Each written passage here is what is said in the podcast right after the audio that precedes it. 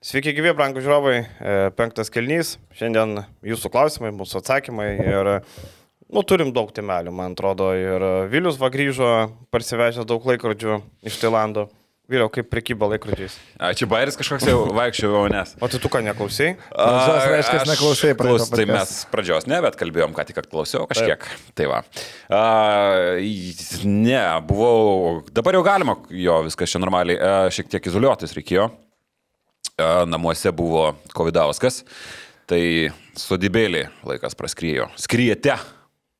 Praskrėjo skrietė laikas, o mes... e, ką- Mes tai galvojam, kad tu Aršausko pėdomenį, tai sekantis žingsnis teoriškai turėjo būti Jungle Kingas. Čia likų kumščių turnyras. Arba kokį barą atidaryti. Arba barą, į kurį niekas neina. Nu. Gerai, e, man atrodo, negaištam laiko, einam prie reikalų. Barą uh, sklepe Rusijai, kai terasų sezonas jau prasideda. Smart. Ir spe, specialus tavo gėrimas turėtų būti. Tai yra, kas ten jau viskas su kola. Atsuktuvas? Atsuktuvas, viskas su kola. Gerai, e, pradėkime nuo turbūt to, ko klausimų daugiausiai buvo apie Žemelio klubą ir, ir tą pranešimą spaudai. Turbūt reikia visą priešistorę, ar ne? E, įdomiausi dalykai kokie? Įdomiausia, kad klubą paskelbs, e, manau, kad e, nesusipratimas komunikacijoje pagimdė labai daug kalbų, kur mes dabar turim spėlioti, ar ne? Sako, paskelbsim balandžio 28 dieną. Iškart žmonės sako, palaukit, 28 dieną reguliarus sezonas, tai vadinasi komanda, kuri nepatenka į atkrintamasis, nes jeigu Dzukija, apie kurią tik kalbama, nu jie patenka. Vadinasi, turbūt pasvalys neviečias labas gas. Tiek neviečias, tiek labas gas pasakė, kad neparsiduoda. Reiškia, lieka pasvalys. Bet Bet, bet vakar gal e, aštuoni skirtingi žmonės sakė apie lytų ir šiandien dar vienas žmogus, kuris nu, yra labai patikimas šaltinis, dar kartą pasakė, kad tai yra lytus. Bet man labai įdomu, kaip bus išsivartyta galiausiai iš tos situacijos, nes kas rašė tą pranešimą arba, nu, tiesiog visą tą agentūrą padarė, na, tikrai nemažą failą su to 28 diena ir ten taip gražiai. Pasvalys iš- žaidžia tą dieną dar. Iš, iš pagarbos, čia ir galiams to klubo, to miesto istorijai, ten ir bla bla bla bla bla bla, mes dabar neskelbėm, nes vyksta sezonas ir dabar, kai tai bus Zukija, ir jeigu paskelbs 28 dieną, kaip tik ant playoffų pradžios, kur Zukija patenka ir turi vieną geresnių sezonų, na tai savo žodžius biškai šiukšliadėžę išmeta su šito paskelbimu. Arba yra kitas variantas, nu tada neskelbta 28 dieną ar laukti, kol Zukija iškris, kas manau būtų logiškiau netgi. Ne, tai tikrai neturiu skelbti, jeigu Dzukija patenka į playoffus, kas ko gero dabar ir išviečiasi. Tai, nu, sunku būtų kažkaip įsivaizduoti, kad... Bats- Užtikrintai pateko. gali. Užtikrintai jau patekė yra. Kad pats paskelbė, kad Dzukija yra... Nu, realiai, tu miesto žmonėm pasakai, kad iš tos komandos nebus. Kad Ateikit ir, ko- kad ir kokia ten menka ten ta fanų bazelė, kurios praktiškai nėra, legendinė ta, ta fanų tribūna, aišku, yra ir panašiai, bet, bet tu miestui pasakai, kad, e, kad komanda perkar, perkar, perperkama, tu tiesiogiai pasakai, kad po dviejų metų jūs tiesiog nebus šitą miestę. Ir viskas. Nes e, visi supranta, kuo tai kvepia, kad tai yra Vilniaus komanda ir ji tiesiog laikinai čia svečiuojasi. Tarp kitko, savivaldybės pinigai irgi turėtų būti negaunami. Mes čia kalbėjom irgi čia apie tai, kad e, savivaldybė tokio klubo neturėtų remti. Savivaldybės parama patvirtinta yra šiam metam 220 tūkstančių. E, Dažniausiai ta parama įkrenta kovo mėnesį, tai manau, kad jau savivaldybės parama gauta ir išdalinta, arba jeigu neišdalinta, tai bus išdalinta. E, dabar kodėl apie pasvalį? Šiaip e, logikos yra spėjimuose dėl pasvalio labai teisingai, kadangi, tarkim, pasvalio pieno žvaigždės labai daug eksportuoja savo e, prekių Baltarusiją ir Rusiją e, su prekiniu ženklu svalia. Tai e, pasižiūrėjus, e, 2014 metais buvo ten toks incidentas Rusija, rusai neįsileido pieno produktų lietuviškų. Tai tuo metu pieno žvaigždės komunikavo, tai, kad tai yra 30 procentų jų pajamų. Tai čia buvo 2014 metais. Tai galima sakyti, kad, na, tarkim, bent jau 40 procentų pajamų pasvalio pieno žvaigždės praras, kad negali Rusija vežti. Tai logiška būtų, kad jeigu įmonė praranda tiek daug pajamų, nuima finansavimą klubų. Labai, labai logiška, dėl to pieno žvaigždės ir buvo tame miksė spėliojama. Kitas logiškas paaiškinimas, kodėl pieno žvaigždės buvo mikse, ten yra savivaldybės pinigų. Ir gerokai lengviau ateiti į komandą pasimti, kur savivaldybė neinvestavo, kur savivaldybė nekišo savo lėšų, nei kad į klubą, kur, na, savivaldybės yra dalininkės daugeliu atveju, savivaldybės kiekvieną sezoną merkdavo pinigus ir, na, aišku, čia aš tikrai nevaidinsiu, kad man čia gaila, kad Alitaus Dzukijos neliks LKL, nes, na, turbūt niekam negaila par tų kelių šimtų žmonių, kurie eina į tas rungtynes, bet iš esmės, na, tai yra vis tiek klubo iškelimas iš miesto ir e, miesto valdžia tuo neturėtų būti patenkinta, kad tu kiekvieną sezoną vis dėlto investavai. Taip, galima sakyti, kad už rezultatus, už tai kad būtent tą sezoną būtų ką veikti žmonėms eiti į tą areną pasižiūrėti LKL, bet manau daugelis tiek politikų, tiek apskritai savivaldybė investuoja su na, ilgalaikė kažkokia vizija, kad va ir turim klubą aukščiausioje lygoje ir dabar taip va, pirštams praktelėjus visos tos investicijos teoriškai nueina kur niekur, klubo nebelieka. Kalbant apie pasvalį, tai kiek yra tekę prisidėti anksčiau prie komunikacijos iš to klubo, tai Taip, jeigu yra įmonė turi kažkokių tai nuostolių ir panašiai, tai kas yra pieno žvaigždžių ir, ir, ir, ir komandos santykis. Tai yra iš esmės didelė reklama, bet pieno žvaigždės yra labai patenkintos tą reklamą ilgus metus ir jos patenkintos yra ir iki šiol. Tai tas klubas, kiek ir man tenka prisiminti, jiem yra labai svarbus, jie dėmesingai pakankamai tą žiūri ir, ir, ir, ir kiekvienais metais atsega pavyzdingai, o kiek jau tų metų yra, daugiau nei dešimt, man atrodo, kiek, kiek pieno žvaigždės yra nuo NKL iki LKL atėjusios. Tai Tai nemanyčiau, kad jos būtų labai patenkintos tą kompaniją net ir dabartinėje situacijoje, kad e, tą komandą įsikeltų. Ir iš esmės pieno žvaigždės, na, nekonkurencingos ir tokios, kokios jos yra, yra tik šį sezoną. Prisiminkime, anksčiau eilę metų tai buvo komanda stabiliai esanti playoffuose, tai buvo komanda, apie kurią net kalbėdavom, kad ji gali galbūt netyčia patekti ir į pusinalį, ar tai to buvo net kelis kartus. Ir na tik šis sezonas taip jau visiškai krito iš konteksto. Tuo tarpu Dzukijai šis sezonas krinta iš konteksto tik gerąją prasme. Dėl to galbūt šiek tiek ir gaila bus alitiškiams, to prasme, nes nu, šį sezoną jau ta komanda nebuvo apgailėtina, ten buvo į ką pasižiūrėti, buvo ir tam tikrų veidų, kaip Mindaugas Lukauskis ir tie rezultatai. Adamas Lapeta. Adamas Lapeta, taip. Ir tie rezultatai kažką žadantis ne tik varnelį uždėta ties savivaldybės lėšų įsisavinimu, tai po tokio sezono galbūt šiek tiek ir apmaudu bus. Nu, su, pasvaliu, su pasvaliu buvo pradėta labai gerai, bet jeigu ne vadovybė, pas kurią abi rankos yra kairės, dėlioja komandą. Atsiprašau, aš kairė rankės. Aš krepšinį, aš krepšinį šiek tiek gerai. Bet abi rankos kairės. Aš krepšinį žaidžiu irgi kairė ranka, mano stipresnė fiziškai ranka yra kairė. Tai va, tai, nu bet suprato, tai man atrodo, vadovybė yra visiška iliustracija to, ką mes turim šiandien pasvaly. Pradėta buvo gerai, tai tarsi kažkoks namas, kuris tiesiog bandyta nueiti apsigyventi jame, kuris yra be stogo ir be langų. Tiesiog tu paėmė į skučą, tu paėmė į šernių, kaip ir viskas tvarko, štabas tvarko, bet tai sudėtis, kokia turėmiesi, kamon, taigi tu negali kažko tikėtis. Bet man bus labai įdomu, kaip pradžioje sezono alitiškai reaguosi tą komandą. Ta prasme, Jis žais Alituje, jis žais ten, na, kiek pusę metų greičiausiai kažkas tokio, neaišku, kada bus rekonstruota galutinai. Visą sezoną. Visą sezoną. Nespės, nespės. Sakot, visą sezoną turėjo žaisti. Vasarą pradės rekonstruota SG, tai, nu, buvo nemažai. Kaip vietiniai elitiškai reaguosi tą komandą, kuri tarsi ir žaidžia tavo mieste, kuri tarsi tą sezoną reprezentuoja a, tavo miestą, bet kitais metais tai jos neliks. Atėjo tam, kad sunaikintų tavo komandos. Bet likučius. žiūrėk, ironiška bus taip, kas man atrodo, kad sirgalių bus daugiau. Realu, realu. Kadangi realu, kad sudėtis bus gerokai stipresnė nei kad dabar turi Dzukija su gerokai patrauklesniais uh, vardais. Dabar ir galių ten nėra. Eis žmonės tiesiog pasižiūrėti krepšinio kokybiškesnio. Aš taip. Pilnai tikiu. Nuoširdžios meilės, aišku, nebus, bet žmonių, aš manau, ten bus daugiau, ir kas FIBA, yra pakankamai ironiška. Ir šiaip Europos turės turnyras turėtų būti, čia beveik nebejojama, pirksis vietą, žais jau pirmam. Ten dar reikia vietą pirkti, nesumoka, kad tu tik žais. Ne, reikia nusipirkti. Blemba. Ten yra visiškai pinigų, už, pinigų švaistykla, šiaip jo. labai neapsimoka ten žaisti. Šiaip teisybės dėlį reikia pasakyti, Alitaus Alito savivaldybė nėra dalininkė klubo, tai jinai... Bet negali... jinai tik taip finansus. Taip, skiria finansus jo, tai vadinasi, šiaip e, logiškas žingsnis būtų pačias jau rūdienį įkurti NKL klubą, startuoti NKL ir pretenduoti į savivaldybės paramą 23 metam. Čia būtų logiškiausia.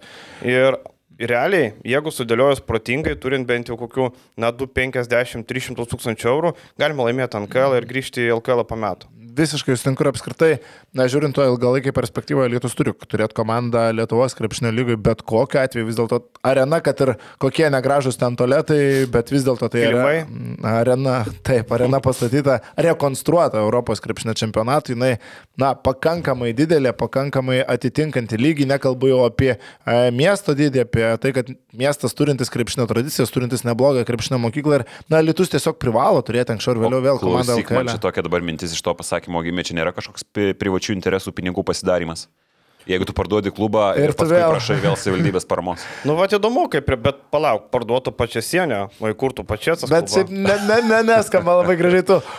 Parduodi, tada vėl per NKL išsikovoji vietą ir vėl tai LKL. Nu, Ir plėšai marškinių savivaldybėje, čia turi būti krepšinis. Čia biški perekupais kvepia, ne? Taip, Nu. taip, tai kiekvienais metais tu iš, iš, gali perpardavinėti taip licencijas. Aš, supra, aš, supra, aš suprasiu, nes NKL laimėti šiaip jau, nu, yra reikalų, bet kad ten būtum vienas iš favoritų, ten nėra labai sudėtinga. Matėm, kad- Jonava puikiai vykdė. Kadangi tikslą. tiesiog tam reikia finansų ir panašiai. Ypač kai tau ta, tuos finansus duos savivaldybė ir tu gali nemerkt savo zero, savo Taip, aš suprasčiau, jeigu pačiais sakytų, kad, ai, nafik, man nereikia to krepšinio, aš jau čia turiu ką veikti ir man tiesiog vat, atsisakau klubo ir tik to, bet jeigu vėl įkūrimas naujas klubas ir tu vėl reikalauji savivaldybės pinigų, koks tikslas, tu jau turėjai Ne, čia, čia jau nesąmonė būtų, jeigu naujam pačiaso klubui būtų skiriama savivaldybės. Bet tai nebus parama. kam skirti. Gal atsiras kažkoks, nu, kaž, gal Margeris įkūrus ten klubą, nežinau, ten ar KL, gal, bet ten Dzukijos dubleriai. Nu, Jo. gal atsiras žmonių, Aš kurie čia lietuvių nebejoju, kiti kad jie įvedė į ant kurs kelių kelių vėl, aš net nebejoju, žinok. Gal ne pačias įsikurs, gal, tarkim, Antanas Sakavickas, jaunesnysis, vyresnysis. Nu, gal- viskas. Ir jie pretenduos. Šiaip e, Dzukija šiuo metu yra kovoje dėl ketvirtos vietos reguliariam sezone, jūs galite juoktis, galite ne, bet Dzukija turi minus dvi pergalės prieš Šiaulius. e, Bet e, turi septynės rungtynės dar iki reguliariaus sezono pabaigos. Tarkim, prieš Sibetą minus dvi, bet minus du mačai. Dzukija gali būti ir aštunta, gali būti ketvirta, turint omeny, kad Šiaulė neturi Elmoro. Tai šiaip e, Dzukija, wow, gali sužaisti tulbinantį sezoną. Ir su ketvirta vieta parduodamas klubas, nu čia būtų žiaura. Nu, žinai. E, Tai net teoriškai, tarkim, nu, iki penktos pakilo, nu ką, gali lūptis dėl vietos pusfinalį Dzukija. Plus tokia, e, gal baigiant tą temą, tokia mini kaip ir idėja. Man atrodo, kad ne veltui Dzukija šį sezoną sugalvojo uždyką leisti e, fanus. Ar čia negali būti koks nors pabandymas pažiūrėti, kiek to komandai įdomi, ką, ga- kas galėtų ateiti. Nes iš esmės, atsiminkim, praeitą sezoną, netgi kada galima buvo leisti žiūrovus, Dzukija vis tiek jų neleido, tipo ten dėl apsaugos, ten dar kažkas. Bet man čia toks labai įdomus epizodas, kaip nuo nieko iki nemokamai. Bet tų žmonių kažkiek dabar jau ateina, negali Taip, sakyti, kad ten tie skaičiai Kiek va, ten komentuoji, kiek... Ai, kiek labai ateina? sunku suskaičiuoti, žinok, ten Nu, tarkim, pirmadienį su Nevėžiu buvo 3,50. gaunasi didelė gana erdvė ir tie žmonės išsimėto. Jeigu tuos žiūrovus tu stalpintum į prienų salytę, nu atrodytų daug. visai. Bet nėra kažkokios atmosferos, ar ne? Ne, nu tai kokia ten atmosfera ir galių tenais organizuotų, jokių nėra, kažkada būdavo, dabar ateina keli girti su fliaškutėm parėkoje. Su Šalgiu 780. Nu, va, su Žalgiriu. Tai aš įsivaizduoju, nauja, naujas klubas apie 500-600 ir galių, jeigu Taip darys kukliai. nemokamai. Taip kukliai. Nublebo, kas tenais labai jau taip. Yra Dainava, yra ten. O jeigu treniruos Kurtinaitis ir bus uh, gerų krepšininkų? Nu, matys. Gerų vyrų. Čia, žinai, kol kas, kol kas labai sunku kažką, kažką dėlioti, bet aš nemanau, kad ten... labai Štukos jau- tikrai nebus. Jo, bet all Su žalgiriu, su žalgiriu jo, ten ar FIBA Europos taurė tikrai nieko nepritrauks, absoliučiai nieko, jeigu atvažiuos Leidino, Zaza Leidinas, kuris pusfinalį FIBA Europos taurės kovoja. Tai, O jeigu Audro Generevičiam marketingą darys? nu, tai konkursėlių, konkursėlių tai tikrai Tada bus. štuka bus ir konkursai bus geri, su gerais prizais. Lositano ir taip toliau. Kaip dabar kedainiuose. Tai, va, Tikrai tai, tai manau, kad e, žemelių reikia ką padaryti, nemokamas patarimas, pasamdykit Audro Generevičiam. Yra dirbus Alytui, nuo Kauno netoli. Manau, kad e, imtųsi tą darbą. Tai reikia patyrusių žmonių. Šalia Kaukieno reikia Audros. Nedėkokit už patarimą. tai all in all, e, 9 procentų, 9,5, 9,9, kad Zukija yra tas nupirktas klubas ir tas, ta data yra tiesiog toks komunikacinis. Bet paradoksalu tai, kad Zukija patigi nusipirko irgi tą vietą. Jeigu nelaimėjo ant Kailo, kai pateko į Lietuvos krepšinio lygą ir dar atsimenu irgi nepatenkintų buvo, kad na, čia e, komerciniu keliu ateina klubas, jis nelaimėjo, dabar komerciniu būdu ir išeina. Bet nenustepčiau, ir pasvalį būtų nupirkinis, kaip ir labai, labai aišku, dėl, dėl kokių priežasčių, ar ne? Bet 12, ko- 12 komandų natūralu, kad panašu, jog neišsipildys svajonė Milašiaus. Sunkiai, sunkiai. Panašu, kad teks vartis tuo tokiu kreivų tvarkarašiu. Tas Bet aš kiek, kas įdomiausia, kad aš kiek, kiek girdėjau, kad e, aš irgi gavau signalų, kad, nu, kad e, visi e, žvilgsniai krypsta į elitų ir tie LKL žmonės, ar tai būtų krepšininkai ir personalų nariai, kas, e, kas ir nežino šitos informacijos, jie vis tiek galvoja, kad tai yra tik tai elitas ir niekas kitas. Netgi taip. E, tai matai, tos kalbos šiaip ne veltui, atsiminkim, jos prasidėjo dar prieš tre- trejetą mėnesių, prieš keturis mėnesius maždaug, tai turbūt, kad ne veltui viskas buvo. Netgi dar vykstant, kai matai, vienas žmogus e, irgi iš to e, vypinio vakarėlio sakė, kad e, pasirašytas alytų 100 procentų. Bet žinot, kame bėda?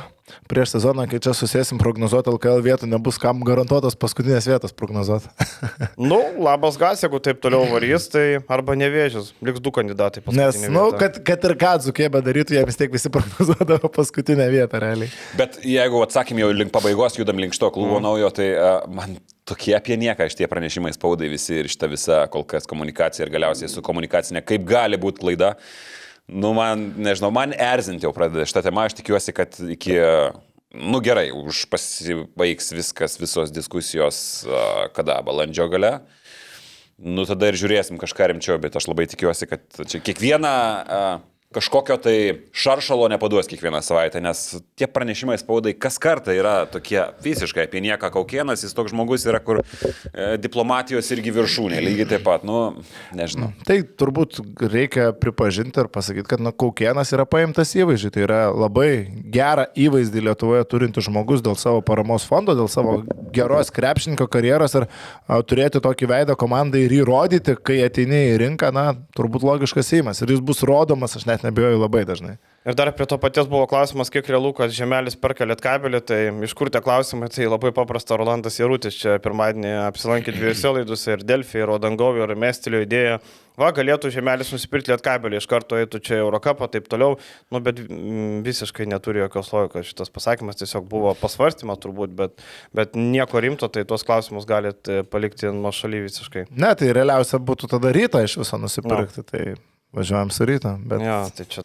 Uh, kitas klausimas irgi susijęs su rytų ir kleizu, turbūt irgi labai daug tų klausimų buvo.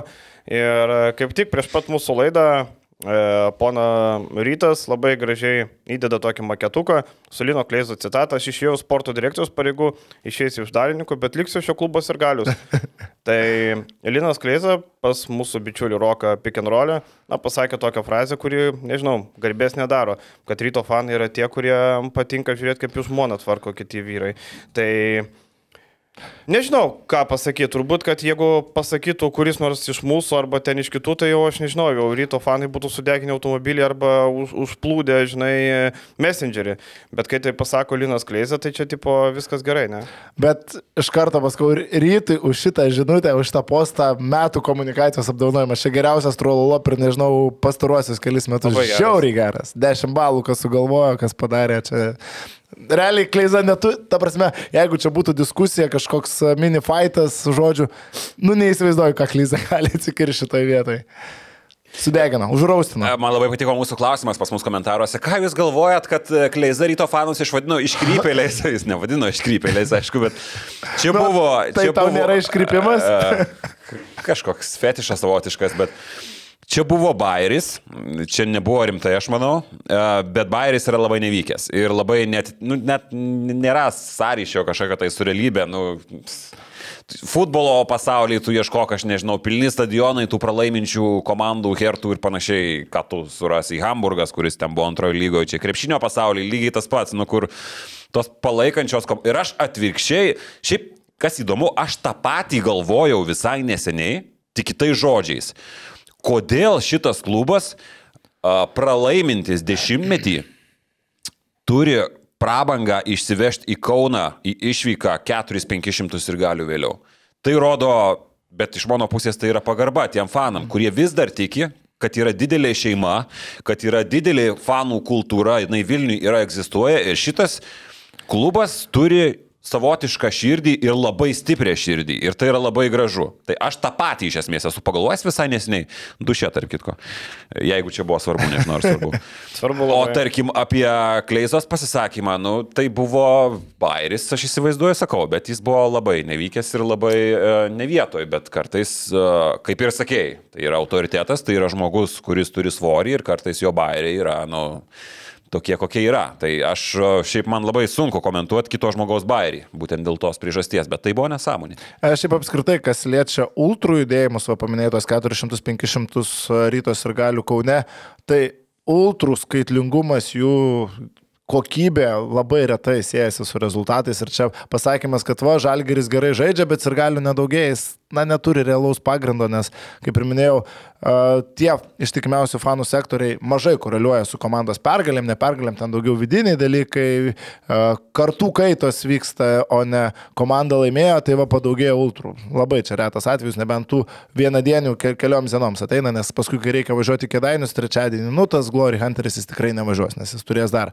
kitų pramogų. Bet rytas faktas, kad jisai turi dabar bendruomenę ne tik ultrų, ta bendruomenė, kuri susirenka Jeep arenai per kiekvienas praktiškai rungtynės, Ir klubas gali tuo didžiuotis. Ir čia mes per kiekvieną podcastą praktiškai kartom, kad kaip tik tiek žalgerio, tiek rytos ir gali verti pagarbos dėl to, kad na, palaiko tą komandą, kad ir sunku ir kartom, kad ir lietkabelis nu, nusipelno to didesnio palaikymo. Tai ką, lietkabelis irgi laimi kas antras rungtynės Eurocapė, LKL irgi kovoja ne dėl pirmos dažniausiai vietos, niekartų nėra tapęs čempionu. Tai Tai kodėl, kodėl tada ir galius turi palaikyti šitą komandą, bet jis turi palaikyti, tai yra jo miesto komanda. Ir čia net, net, nereikia aiškinti tokių paprastų dalykų, manau. Ir kas yra pakankamai jokinga, kai nu, tu pats komunikavai visą laiką, kokie yra fanai svarbus, taram param, su tais pačiais fanais apsikabinės bardakė reikiai, tą, ką reikiai kažkada netaip ir seniai. Žalia ir ten ta, kur stoties rajone būna ten ir, ir, ir, ir panašiai. Ten, nu, tai buvo tokie įvykiai, bet šiaip, nu, man iš esmės atmetu šitą, man jo retorika ir mintys. Uh, Aš šiaip paklausau tą podcastą, man visai patinka ir dėl to, kad bičiulis, ir dėl to, kad e, padėstomos kartais tokios mintys. Ir va, tarkim, va, klausiau aš ir šitą podcastą ir kalbant apie tą palyginimą, nu, susirinko labai du skirtingi poliai. Tai yra Kleiza ir Matkevičius, tarkim.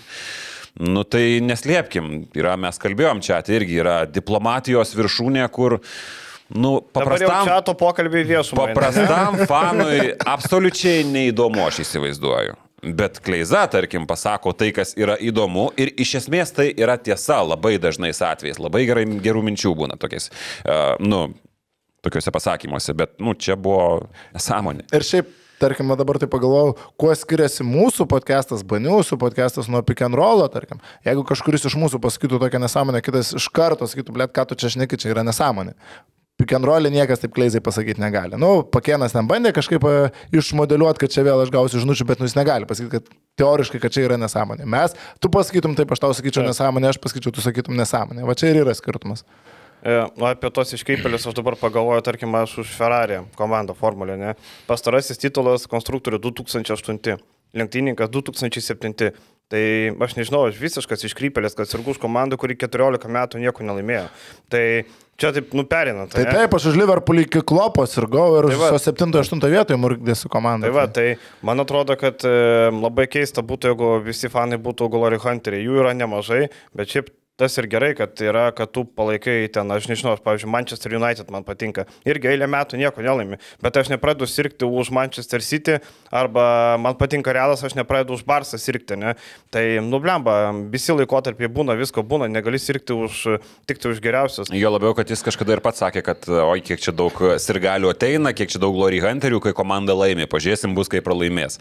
Nu tai čia du skirtingi tokie nuomonių susidūrimai. Ir va dėl šitos priežasties, sujungiant mūsų pirmas dvi temas, aš nelabai tikiu naujo klubo greita sėkme prisijaukinant sirgalius, nes sirgaliai, jie yra tie tikri sirgaliai, jie plius minus daugiau mažiau yra ištikimi. Net mes, ten kur gal Manchester United rungtynėse gyvenime nebuvo, tu nepradėsi sirgti už kitą komandą vien dėl to, kad į geresnių žaidėjų nusipirko. Ir tokių sirgalių yra dauguma, tų, kurie domisi sportu.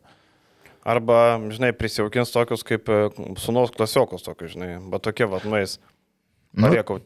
Visiškai apie nieką, kol kas atrodo visiškai apie nieką tas klubas, bus apie pinigus, aišku, apie gerus žaidėjus, bet, nu, kas tais palaikyti? Šeimos, atskiri kažkokie tai krepšinio gerbėjai, kurių ten tikrai toje arenoje nebus daug. Kita vertus, ar dabar yra daug ryto fanų. Tai tas skirtumas didelis, aš manau, nebus. Bet čia galim pasakyti, kad e, Kleiza, nu, jis, e, vat, e, jo, pasako tą, ką galvoja, matėm bare ant žalgerio fanų, čia ant ryto fanų. Reiškia, jisai toks yra, kur, nu, ką, ką nori, tą pasako. Man labiau patinka, kai žmogus pasako, ką nori, negu vinioja ir bijo pasakyti kažką, nes bijo susipykti ten su kažkuo. Sutikit, tikslas ir yra sužinoti, ką žmogus galvoja. Taip, taip. Tai tas ir yra įdomiausia ir šiuo atveju visi tikrai sužino, ką jisai galvoja. Gerai, kadangi prakalbam apie kitus podcastus, ten buvo įmestas klausimas, aš šiaip labai norėjau užduoti, nežinau kodėl, bet norėjau. Uh, 3 prieš 3. Uh, Mm. Ai, pa, pa, pakurstis. Pulkovskis, Kubilius, Talgaitis prieš Lekšą Miklovą Tiškevičių. Būtų Kas šiaip ima? geras. Aš galvoju, kad jeigu kažkuriuo metu mačas pereina į MMA taisyklės, mes esam absoliutus favoritai mačo. Bet jeigu pagal tradicinio krepšinio klausimas, bet geras mačas būtų. Blemba, aš šiaip, geras. Dabar labai labai seniai žaidžiau krepšinį, tikrai prastos formos, bet aš dabar būčiau tas šuo, kuris įsikabina ir smaugia. Nu, tu sportuoji, tu zdaravas vyras aš dabar dabar. smaugčiau, pasimčiau tišką ir ble. Ne, tau su Myklavu. Tau Miklovą. Man. Miklava reikia. Jo, jo, jo. Nu gerai. Ten jisai turėtų ūgio pranašumą, aš prieš karalių turėčiau. Nu. O jūs su Lekšu Aš Jūs su Lekšu. Aš Jūs su Lekšu iš tikrųjų krepšinį žaistumėte. Aš esu su Lekšu prieš Lekšą žaidęs du kartus. Tiesa, abu kartus jis buvo be vienos kojos, tai man labai sunku vertinti jo galimybės, bet matosi, kad vyras yra žaidęs. Jeigu Kleiza, Pakenas ir Benas. Nu, ir iš pinigų žaidžiam. Kleiza su tapkiam. Kleiza su tapkiam mus padarytų. Ne? Ne, čia net nėra ką kalbėti. Bet šiaip Būtų, būtų įdomu, kas žiūrėtų. Šiaip Kleiza galėtų dalyvauti, jeigu Žalgris darydavo anksčiau tą 3 prieš 3 turnyrą, galėtų Kleiza irgi dalyvauti, kad dabar jisai podcasteris, žurnalistas galėtų drąsiai eiti. na, žaisti. Tai pick and rollas iš vis galėtų surinkti Domaitis, Kleiza ir kas ten dar Mačiulis. ir Pakėnas nuo saliko. Pakenos headcoach vetimą. Jo, būtų, būtų geras. Um, kitas klausimas aktualus e, savaitės - Žydrūno Urbano eros pabaiga, ne? Ir matom, na jau visiškai jau e, pralaimėjimas Jonavoje buvo paskutinis lašas. Ir e, ką, matėm, Jonava žaidė septyniesi. E, nu, tu turėjai imti tą mačą, bet nu niekaip, niekaip nepavyko. Ir galiausiai Urbanas suprato, kad žaidėjai nebetikėjo. Ir Urbanas pasitraukė. Turbūt, kad aš tai vertinu neigiamai, kodėl neigiamai, nes pasitraukė per vėlai. Dabar kažką pakeisti nėra laiko. Nėra trenerio, kuris pliofai prasidės po mėnesio, nėra trenerio ir dar nėra trenerio apskritai, kuris kažką padarys e, taip greitai. Mm, Bet nemanai, kad ten nereikia labai didelių korekcijų. Ten galbūt užtenka, kad žaidėjai pasitikėtų treneriu, kaip minėjai, nepasitikėjimas Urbanu iš žaidėjų. Netikėjimas. pusės. Netikėjimas, nu, okei. Okay. Žinai, pasitikėti gali, bet gali netikėti filosofiją. Pateitau, pataitau. Bet žinai, tarkim, nu, okei, okay, Nedas Pacevičius dabar laikinai perima, gerai, e, laimės prie Dukijo ir taip toliau, bet kitam treneriui nu ateina pliofai, ten jau reikia šiek tiek rimtesnių sprendimų, rimtesnių, rimtesnio pasirašymo. Ir tarkim, ateina, nu gerai, labai, e, labai mažai tų trenerių, kurie gali ateiti.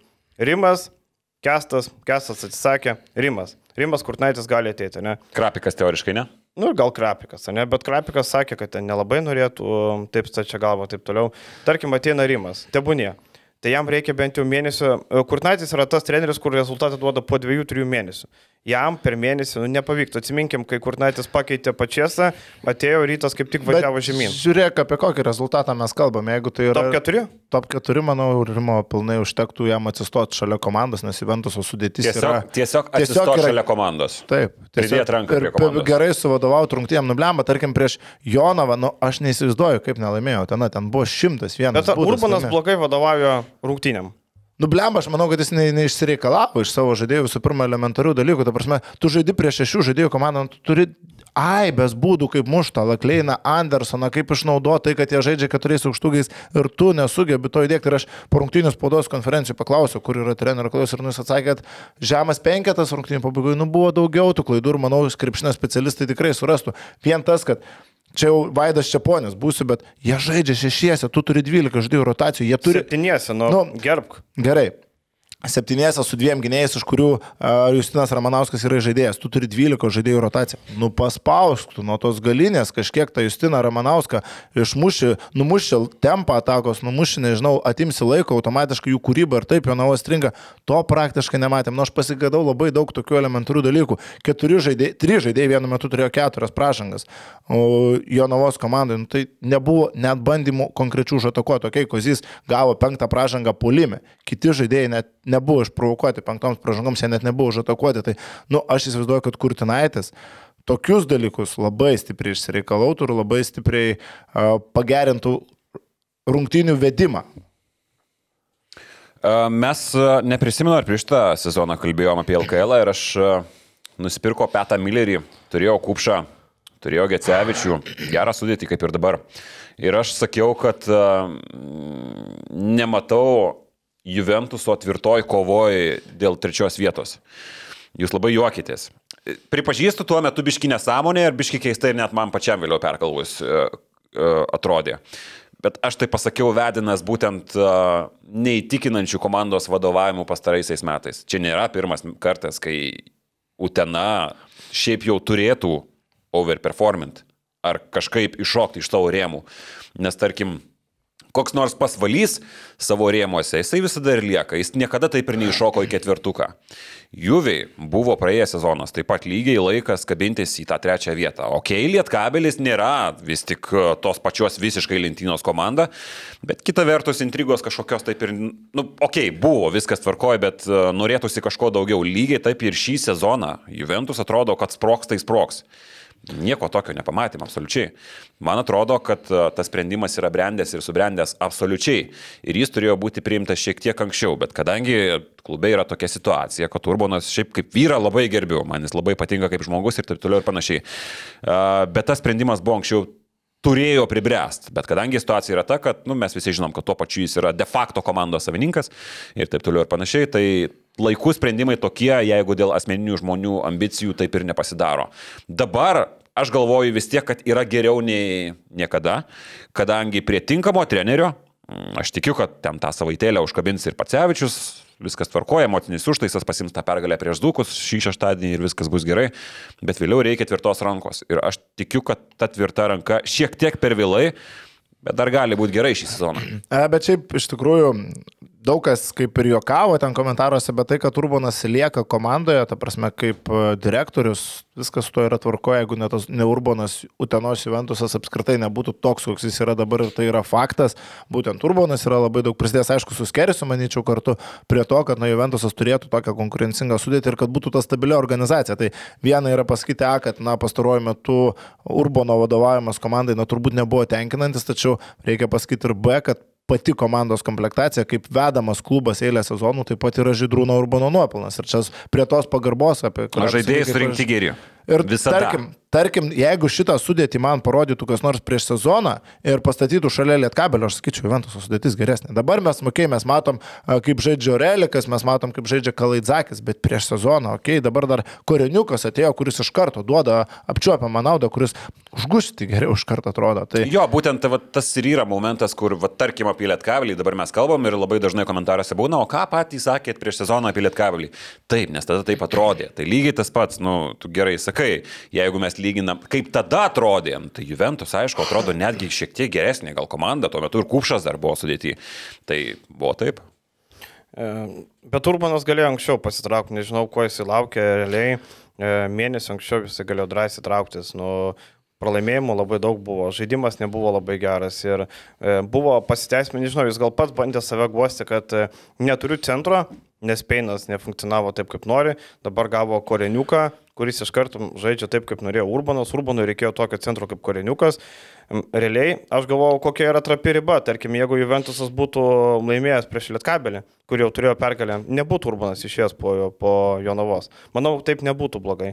Tai realiai, vat, dar kartą patvirtina, kokia yra trapi riba. Realiai, vienas metimas, vienas Kalaidzakio nepataikymas arba sugebėjimas ten išsaugoti pergalę, kur buvo savo rankose. Tai ir prieš tą pačią Jonavą net ir taip, žaidžiant turint minus 23 kelinėje, ten turėjo galimybės laisvai laimėti rungtynių pabaigoje, ten Milleris, man atrodo, prametė iš pokrepšio, dar ten nenusėmė poros kamolių, ten viskas buvo jų rankose iš esmės, bet kažko pritruko ir turim, ką turim. Žinai, man tas pasakymas reikia centro, reikia centro, aš nekartą girdėjau, ar tau reikia centro kovoj su nevėžiu. Ar tau reikia centro kovoj su pasvaliu? Reikia centro, bet tu ir turi kažkiek, nu, kažkokią sudėtį turi, o likusi sudėties dalis yra galva geresnė už tas mano išvardintas komandas, lygiai tas pats koks nors pasvalys, paimkim, okay, su Lietkabiliu reikia centro, su Rytų Žalgiriu reikia centro. Bet, nu, su Neptūnu reikia centro, gerai, bet, nu, toliau, ką mes turim. O visose rungtynėse dainelė buvo ta pati. Nu. Čia geriausias pavyzdys yra tas pats Virginijus Šeškus, jis pusę sezono žaidžia be, be aukšto ūgių, dabar žaidžia be gynėjų ir nu ar Virgis dėl to dėjoja. Ne, jis, sakau, su Justinu Ramanausku žaidėjų pozicijoje vieninteliu tikrųjų žaidėjų. Tikrųjų žaidėjų. Virgis irgi- visada sako, su septyniais žaidėjukais laimėjom.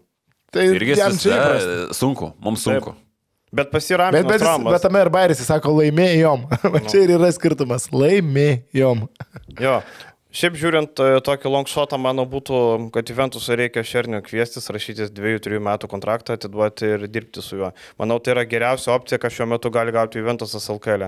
Nežinau, tikrai net Firka. LKL, LKL jo. Nu. Mm, Galbūt NKL. Kas Lemba, nežinau. Aš. Kiltinavičiui neduodu. Dėl visų tų dalykų su ten, jo, visais tais dalykais. Gari Krišna, ne? Jo, su Kryšnom, ten, su tais. aš rinkčiausi irgi šernio aukščiau. Tai, Tai ne, tai jeigu mes lyginam tarp šitų dviejų, tai taip, bet aš Tiesiog- Tiesiog... įmečiau į miksą tiesiog. Tiesiog pasvalys e, neturi nei vieno argumento išlaikyti Černių, o Černius tai būtų ėjimas į priekį. Man atrodo, Černių galvas kalba nuo šito sezono ir jis nori kuo greičiau raukti šitą dalyką. Praktiškai buvo pralaimėję prieš Labas Gas, bet ten nesąmonės Labas Gas. 10 taškų per minutę ten nuėjęs. Marija, baisu, baisu. Ir em, sargiūno per pirštuką, ne, per pirštuką, o ten iš vis epik. Ten net, net, net, blemba, aš žiūrėjau ir taip, ir taip, ten klaus, aišku, nepatenkino labas gas protesto, tai peržiūrėjo dar kartą turbūt visas tas. Panašu, kad iš tikrųjų pritrūko milisekundės ten, bet metimas ir pačios rungtynės tai kosminės. Gerai, dabar pašaudom tokių, kad e, daugiau klausimų mažiau kalbos, o ne šumeras tokį įdomų. Sako, kaip galvojat, krepšininkai. Šumeras. Šumeras. Sako, krepšininkai mūsų neina į kairę ar ne? Kaip jūs galvojat, vis tiek nėra žmonių. Lietuviai čia ar, ar bet kokie krepšininkai? Lietuviai. Krepšininkai Na, legionieriai. kaip sakoma, nestovėjo. mes, kalbam, jeigu mes kalbam apie viso lygio bendrai krepšininkus, gali čia būti Prancūzijos antra, trečia lyga, tai yra, yra. Aš net esu girdėjęs tokių Esu įdomių dalykų jo, tai be, be, be jokios. E, Vienas em, kolega kažkada pasakojo, kad jeigu komandiruoti, tada nesiskaito. Tai, tai va, tai jie komandiruoti iš esmės. Aš čia nesiskaito komandiruoti, kai darbovietė užsienį. JAV ten yra tas posakis, jeigu kita valstija irgi. Na, irgi taip pat, ja. Kita valstija. Jo, bet čia, nesiskaito. tarkim, mes, e, mes kalbam apie tokius dalykus ir, na, nu, aišku, kad mes pavyzdžių neminėsim Taip. Niekada ir niekur, nes konkrečių, ko gero, visi esam girdėję, čia kaip aš buvau uh, praėjusią vasarą užsienį kažkur ir mačiau vieną LKL krepšininką su cigaretė rankoje ir, ir, ir jis pamatė, aš jo nepažįstu asmeniškai, bet akivaizdu, kad mes iš akių kontakto vienas kitą žinom. Ir, ir jis pamatė mane ir toks visas susinepatogino, metė tą cigaretę staigiai ir užsisuko. Ir ko tu žmogau, tu prasme, ar aš kažką čia kažkur eisiu, bėgsiu, Nu pasakosiu. tai va, kažką? sėdi, pasakai. Jo, bet, nu, aš neminėjau, aišku, kuris ir, ir net jokių užuomenų nėra ir neketinu to daryti. Tai man labai keista, va tokie dalykai būna kartais. Ir e, buvo, tarkim, vienas lietuvis, atsimenu, kad, e, na, jo žmona sužinojo, ten buvo visokių reikalų, tai buvo suka, legionieriai labiau suka, atvažiavę į, į Lietuvą, legionieriai, kurių šeimos lieka JAV, labiau mėgsta. Kas ten, Nomaras. Samhenas girdėjau, bet jis nebuvo vedęs, man atrodo. tai Tarp kitko, apie, Jis ten baisiai judėdavo. Jarvį Williamsą buvo tas legendinis skrinčiotas šio sezono pradžioje, kai jis jau buvo gavęs traumą, tik tai mes nežinau, ar ten buvo feikas ar ne. Vienas dievas, žinau. Buvo, buvo ten kažkokiu, jo, aš dabar sunkiai prisimenu net. Man vienas e, pažįstamas pasakojo, kad Džervisas Williamsas ten, sako, viena tokia e, ant stulpo šokėja, su juo ten prie reikalų. Pasi Instagram'e ten šmežavo kaip kiaušinienė kepa ryte. Va, va, tai kažkas ten ta, ta, Mes ta jau ir į buvo labai žemą lygį. Gerai. E, Padariau kažką, prašyčiau paserviruoti. ką įmate į rytą? Butkevičių ar Radzevičių? Ką pasiliekat? Radzevičių. Radzevičių. Taip, vienbalsiai. akivaizdu. Ne dėl to, kad jis yra geresnis ar blogesnis žaidėjas, dėl to, kad yra aplinkybės tam tikros, yra dar didesnė kažkokia tai perspektyva, mm, metų rezervas ir yra kitas dalykas, kad uh, tai yra šiek tiek pigesnis žaidėjas. Net ne šiek tiek, daug, manau, pigesnis gautųsi. Gautųsi, pratesant. Tai Nu, Kainos ir- Arna kainos- Butkevičius yra per brangus žaidėjas rytui su jo vaidmeniu. kainos ir kokybės santykių geresnis variantas rytui šiuo atveju yra Radzevičius. Apskritai, Butkevičius šiai dienai pagal savo poziciją, pagal savo įtaką yra per brangus žaidėjas rytui. Tokius pinigus, manau, rytas turi mokėti pirmos, antros pozicijos žaidėjai, ne trečios. Bet Arnas a, man patinka tuo, kad jis yra, nu, mes įpratę į tokią, tokį pakankamai tylesnį matyti, bet šiaip jisai yra, nu, pakankamai a, psichologiškai zdaravas vyras, viskas su juo yra tvarkoji, kapitonas ir man šiaip kaip, kaip žmogus ir kaip žaidėjas jis irgi patinka, bet, nu, tiesiog yra elementarios krepšinio aplinkybės, kurios a, šiuo metu verčia ko gero rinktis Radzevičių. Rytui tokios kišenės komandai kaip rytas. O Butkevičių žalgerį, ne? Vėlgi, visus žaidėjus. Ule, žaidėjų Ule ir Butkevičius vienoje komandoje, aš nežinau. Atsarginis SV. Jeigu nelieka ulės. Įmanoma. Mm. Nėra pats blogiausias. Jeigu nelieka variantas. ulės, Nu, tai atsakinis aišku, SV. aišku, bet kokiu atveju. Nu. Aš Turit omeny prašyčiaus. kazį? Galima. Tikrai ne pats blogiausias variantas, sutikčiau. Vilė, iš kur ištraukė žemai kabantį obolį? Būsiu atviras, aš neprisėmu senų nuopelnų, svetimų nuopelnų čia Roko Pakėno žodis. O, prašau. Okay. Nežinau šitos Jo, ja, jo. istorijos. E, kodėl penktas kelnys nekalba apie NBA? Ar nesidomėt, ar nemanot, kad geri? Nes a, negalvoju, kad užtenka podcast'e kalbėti, kad paskaitytum Reddit'e kažką ar Yra, varytum Reddit kalba. Ir kas kalba, tai. Taip, aš, aš galvoju, kad tai nėra pats, nes aš nežiūriu NBA rungtynių, ką ten highlightą pažiūrėsi, naujieną paskaitysi, nu ir ką tu, nu gali, gali kažką tada bandyti kalbėti, bet nu ar tai bus labai įdomu, man tai, man klausyt būtų neįdomu žmogaus, kuris nežiūri. Aš skaitinėjau lygiai taip pat irgi domiuosi kažkiek, viskas tvarkoju, žinau temą, žinau, kas vyksta. Galiu kažką pasakyti, bet... Nu tai kas pats. geresnis, Lebronas Džeimsas ar Jo. Michaelas Jordanas ir Jo. dabar diskutuojam, 10 minučių pasiskaitę Reddit'e. Ne, čia aišku kraštutinumas jau, bet... Ne, tai faktas Bet iš esmės nepakanka tiek, aš galvoju. Tu turi, nu, visiškai būti tame. Jo, man atrodo, mes e, apie LKL ten ir tai, kas vyksta mum arčiau mūsų kieme, mes gerokai geriau žinom, net nėra ką lyginti ten NBA. Jo apie NBA, nu, NBA mažiau tų tokių aktualijų, NBA daugiau aktualijų tokių aikštelį gal, ne. O čia mes galime kleisus pasakymą panagrinėti. Kitas klausimas, kaip vertinam Krapiko komentavimą. Va, mes čia galim pakalbėti. Mes ten nekalbėtume, kaip vertinam Onylo komentavimą, ne, arba ten kalbėjimą. Nu, ką mes ten galim pasakyti. O tai apie Krapiko komentavimą čia buvo išbandytas trijų komentatorių tandemas. Tandemas trijo. E, prie Čiaponio ir Karolio prisijungė e, Gintaras Krapikas su žaliu švarku savo, viskas kaip Pliama, pridera. koks aš varkas ir kostiumas visas geras. man. Geras, geras. Jo. Bet ir komentavimas buvo visiškai žalias. Sakykit, ką norit. Ta prasme, žalias spalva, e, komandos. e, Kiek kartų buvo kartuota, kad mes neturim Lekavičiaus, žaidėjai imti var, va- vadinti vardais, kaip Žilvinas mėgsta. O, nu čia žinai, tas, anas trečias. Tai Krapikas irgi vardais, Žalgirio žaidėjas vardais. Šiaip šitas momentas tikrai neturėjo būti, kad uh, Krapikas komentuoja Žalgiris uh, prieš rytą. Krapikas tiktų labai Eurolygos, tarkim, rungtynėm, aš įsivaizduoju, kur Žalgiris žaidžia su užsienio klubu, dabar nu, visa auditorija žino, kad Krapikas yra žalias. Ir nu, tai jautėsi, tai girdėjosi. Ir aš nemanau, kad. Patinka ryto gerbėjams klausyti, kai komentuoja. Gerai, tada galimas variantas statyk atsvarą. A, atsvarą uh -huh. Krapikui, statyk raudoną žmogų. Va, tada bus įdomu, tai bus kažkas naujo. Viena kleiza? Nu, Kleiza pasirodo, o Kleiza koks dabar jau turbūt niekas nežino.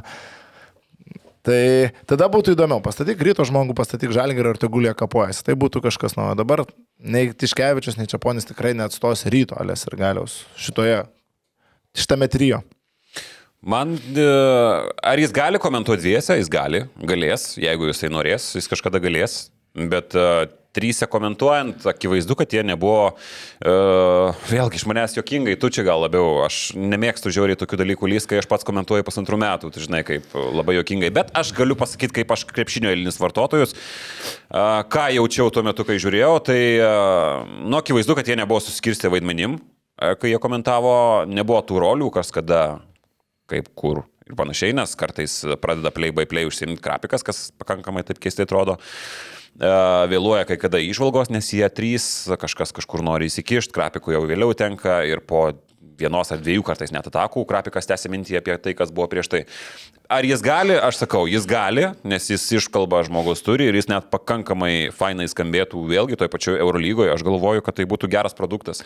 Šiuo atveju debutas, nu, vis dar šioks toks. Man dar ta pati idėja komentuoti trise šiek tiek kelia klausimų, aš nesuprantu funkcijos, tarkim, jeigu yra krapikas, kuo gali papildyti čiaponis krapiką. Nu, ta prasme, arba vienas, arba kitas. Ir man tas trise, nu čia labai jau turi būti specifinis trijo, jis turi būti gerai susidirbęs, kad tai skambėtų tikrai labai gerai. Jie turi jausti vienas kitą, jie turi vienas kitą pažinoti. Dabar tu įmeti tą trijo, kur nežinau, koks krapiko ryšys su čiaponiu ir taip toliau. Tai faktas, kad potencialo yra, bet tai nebuvo labai gerai. Aišku, aš irgi, kaip ir tu sakai, Vėliau, aš irgi nemėgstu uh, vertinti komentavimo, nes uh, ir mūsų pačius vertina. Bet čia ne paties komentavimo, čia patį principą. sutinkam, kad bent Taip. jau du iš trijų žmonių tai yra labai... e, Gerai, jokauju, viskas tvarkoja.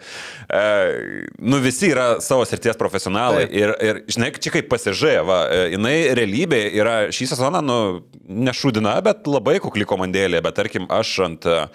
Nu, PlayStation'o žaidžiant FIFA, su pasižiūrė kapoju prieš visus kolegas, va darbė pastatais yra kompas ir visus dedu į vietą, nes tai yra puikia komanda, tai yra ko gero stipriausia komanda. Tai lygiai taip pat, ne viskas taip idealiai atrodo praktikoje kaip ant popieriaus. Ir čia iš Ir dalies tai irgi mes, vat, ką, ką noriu pasakyti, kad mes nekvesionuojam uh, kompetencijų. Tiesiog kaip vienas su kitu sulimpa. O kaip galvojate, jeigu trijuliai būtų Aleksandravičius, pietin neįsiterptų vis tiek, ne? Ma, ma, galima prigalvoti tokių įdomių trijo Lietuvos komentavime - Aleksandravičius, jam ar Čiaponis.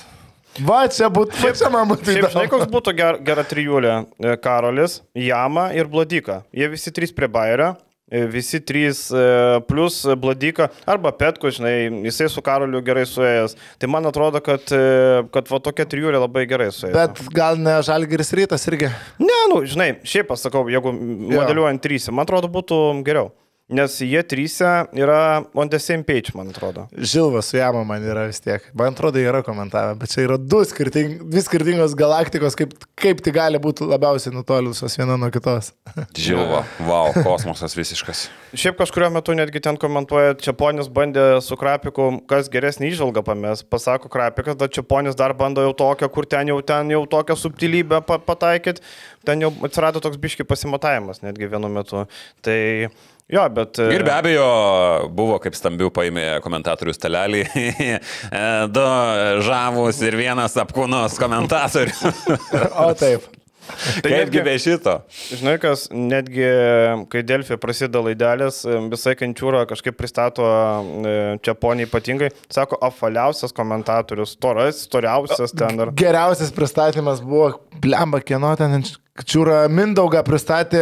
Frazė, taip. Mindaugą frazę pristatė kaip karaliaus vardo nešiotoja. Sako, gal galima kukliau arba ten paprasčiau kažkaip. Kažkaip, kažkaip prieš apie KMT kaip tik kalbėjo ir karaliaus vardas kažkas tokio čia. E, dabar e, tarnybinė padėtim naudojasi Rokas Liolaitis ir serviruoja mums tokį klausimą, netikėt ar ne. E, Ką manot, ar Gedrius Žibėnas nėra lietuviškas Martinas Šileris? Suvedant tuo, kad pirmas sezonas hypas, taip toliau, perdėtas pozityvumas spaudos konferencijose, nuolatinis žaidėjų gyrimas, kur nereikia. E, va tokį va serviruoja Rokas Liolaitis. Šiaip, make sense, ne? Mintis nebloga. Man ne. Ir aš pasakysiu, kodėl. Na. Uh, kokie buvo argumentai dėl žaidėjų gyrimo? Ne visada. Šileris bet kokiu atveju visada gyrė žaidėjus. Uh, Žibėnas tai daro gerokai adekvačiau. Uh, Šilerio žalgeris įsikvėpė ir taktiškai tai buvo viena skurdžiausių Eurolygos komandų, mano akim. Uh, Arba ne tai, kad skurdžiausių, bet primityviausių. Žibėno atveju jis ne visada tą komandą suvaldo tiek psichologiškai, tiek emociškai gal reikėtų, tiek taktiškai. Tai dar trūksta kartais, ką matėme ir KMT pusfinalyje. Bet uh, kalbant iš to, kas yra dabar ir kad niekas dar nėra prarasta, nu, okei, okay, KMT aišku buvo prarasta nu, daug reikalų pakankamai, bet kalbant apie LKL, viskas dar yra prieš akiją ir netgi po eilės metų pertraukos turimas pranašumas prie žalgį ir reguliarkį, tai irgi yra labai svarbu. Rezultatai, aš sutinku, kad nėra auksiniai. Kas galbūt buvo bandoma pasakyti ir įpirš mums tą mintis ir kažkas buvo užsihypinęs prieš tris mėnesius, kad rytas jau čia yra kažkoks ir netgi buvo paminėta, Žibėnas, man atrodo, paminėjo tą pergalių balansą ir pralaimėjimų. Nu, okei, okay, bet kur tu žaidi ir prieš ką tu žaidi ir kur yra esminės rungtynės ir kaip buvo juose sužaista yra visai kas kita. Aš galvoju, kad uh, yra, buvo perdėtas hypas, bet dabar mes po truputėlį sugrįžom į realybę ir jaunam specialistui reikia leisti dirbti. Ir aš galvoju, kad jeigu čia užkabinant ir ateitį kažkiek, kalbant apie žibėną, viskas priklausys nuo finalų, rytas ten bus ar ne. Jeigu jis ten bus, tai nereiškia, kad ryto sezonas geras. Ryto sezonas ir vėl labai vidutiniškas, kas, na, nu, aš nežinau, tai yra trypčiamas vietoje realiai. Bet jaunam treneriui tokiu atveju reikėtų ko gero leis dirbti. Aš matau esminį skirtumą tarp Žibėno ir Šilerio. Šileris turi daugiau gerokai patirties ir taip toliau ir panašiai. Bet, bet Žibėnas, man atrodo, šiek tiek lietuviškoji komandoje, lietuviškoji yra žingsnelių priekį. Aš dar kitą skirtumą matyčiau. Šileris turėjo labai gerus įrankius ir būtent tų įrankių dėka jis atrodė gerai pirmą sezono dalį. Žibėnas. Paruošta komanda. Taip, paruošta komanda, išlaikyta brandolį iš Šarūno Jasikevičiaus, gerus gynėjus ir tą pusę sezono, nublemba, bet kuris LKL treneris, aš įsivaizduoju, būtų atrodęs gerai. Čia vėlgi, kartais labai sunku vertinti trenerius, mes juos vertinam pagal tai, kokias komandas jie treniruoja. Tai įstatykit praėjusio sezono žalgerį, bet kurį LKL trenerį nebūtų buvę prastesni rezultatai, nei turbūt buvo su Šileriu. Tiesiog komanda buvo gera. Žibienas, jisai rado krachą. Jisai rado subirėjusią komandą, jisai atėjo iš asistento. Bet gera buvo LKL. Um, Antroje vietoje buvo geras. Jinai buvo psichologiniai dobėjai, jinai buvo išbarstyta, jinai buvo pralaiminti.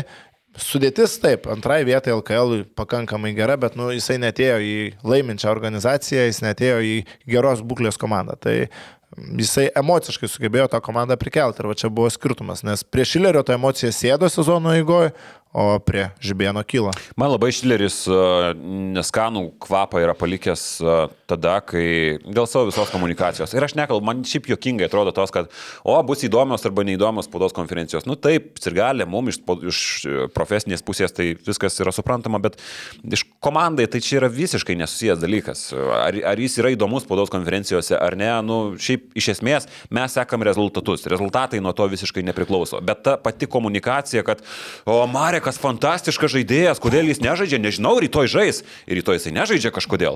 Arba sveikinimai pasvaliui su patekimu į playoffus. Arba triumfuojam šiandien prieš Dzukiją ir žiauri pergalė. Nu, čia yra arba tu kvailas, arba tu turi tą amerikonišką only positive ir viskas. Tai nei tas, nei tas variantas nėra geras. Ir man tas biški fake, tokio fake netraukimas ir Mes esam kalbėję, kad šiaip žmogus, kuris e, kabinete savo pakankamai, nu, jis nėra toks pozityv, yra pakankamai netgi užantį akmenį ne vieną laikantį žmogus. Tai reiškia, kad jis yra fake.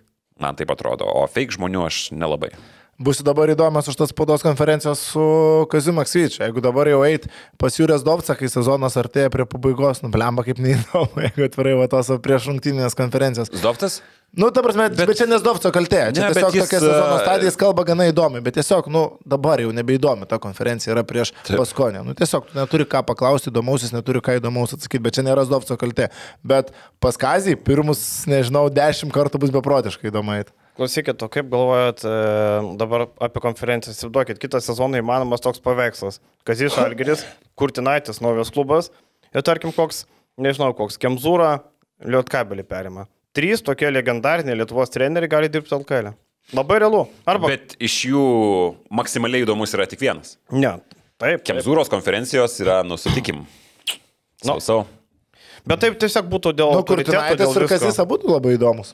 Kas jis jau dabar įdomesnis. Taip, ir dar kai jisai prie Žalgirio. Maks įdomus. Topas buvo Šaras Adomaitis. Šaras Kurtnaitis netgi. Vat. O dabar dar šalia, jo, pagalvokim, galėtų būti labai įdomus Alkalas, ne?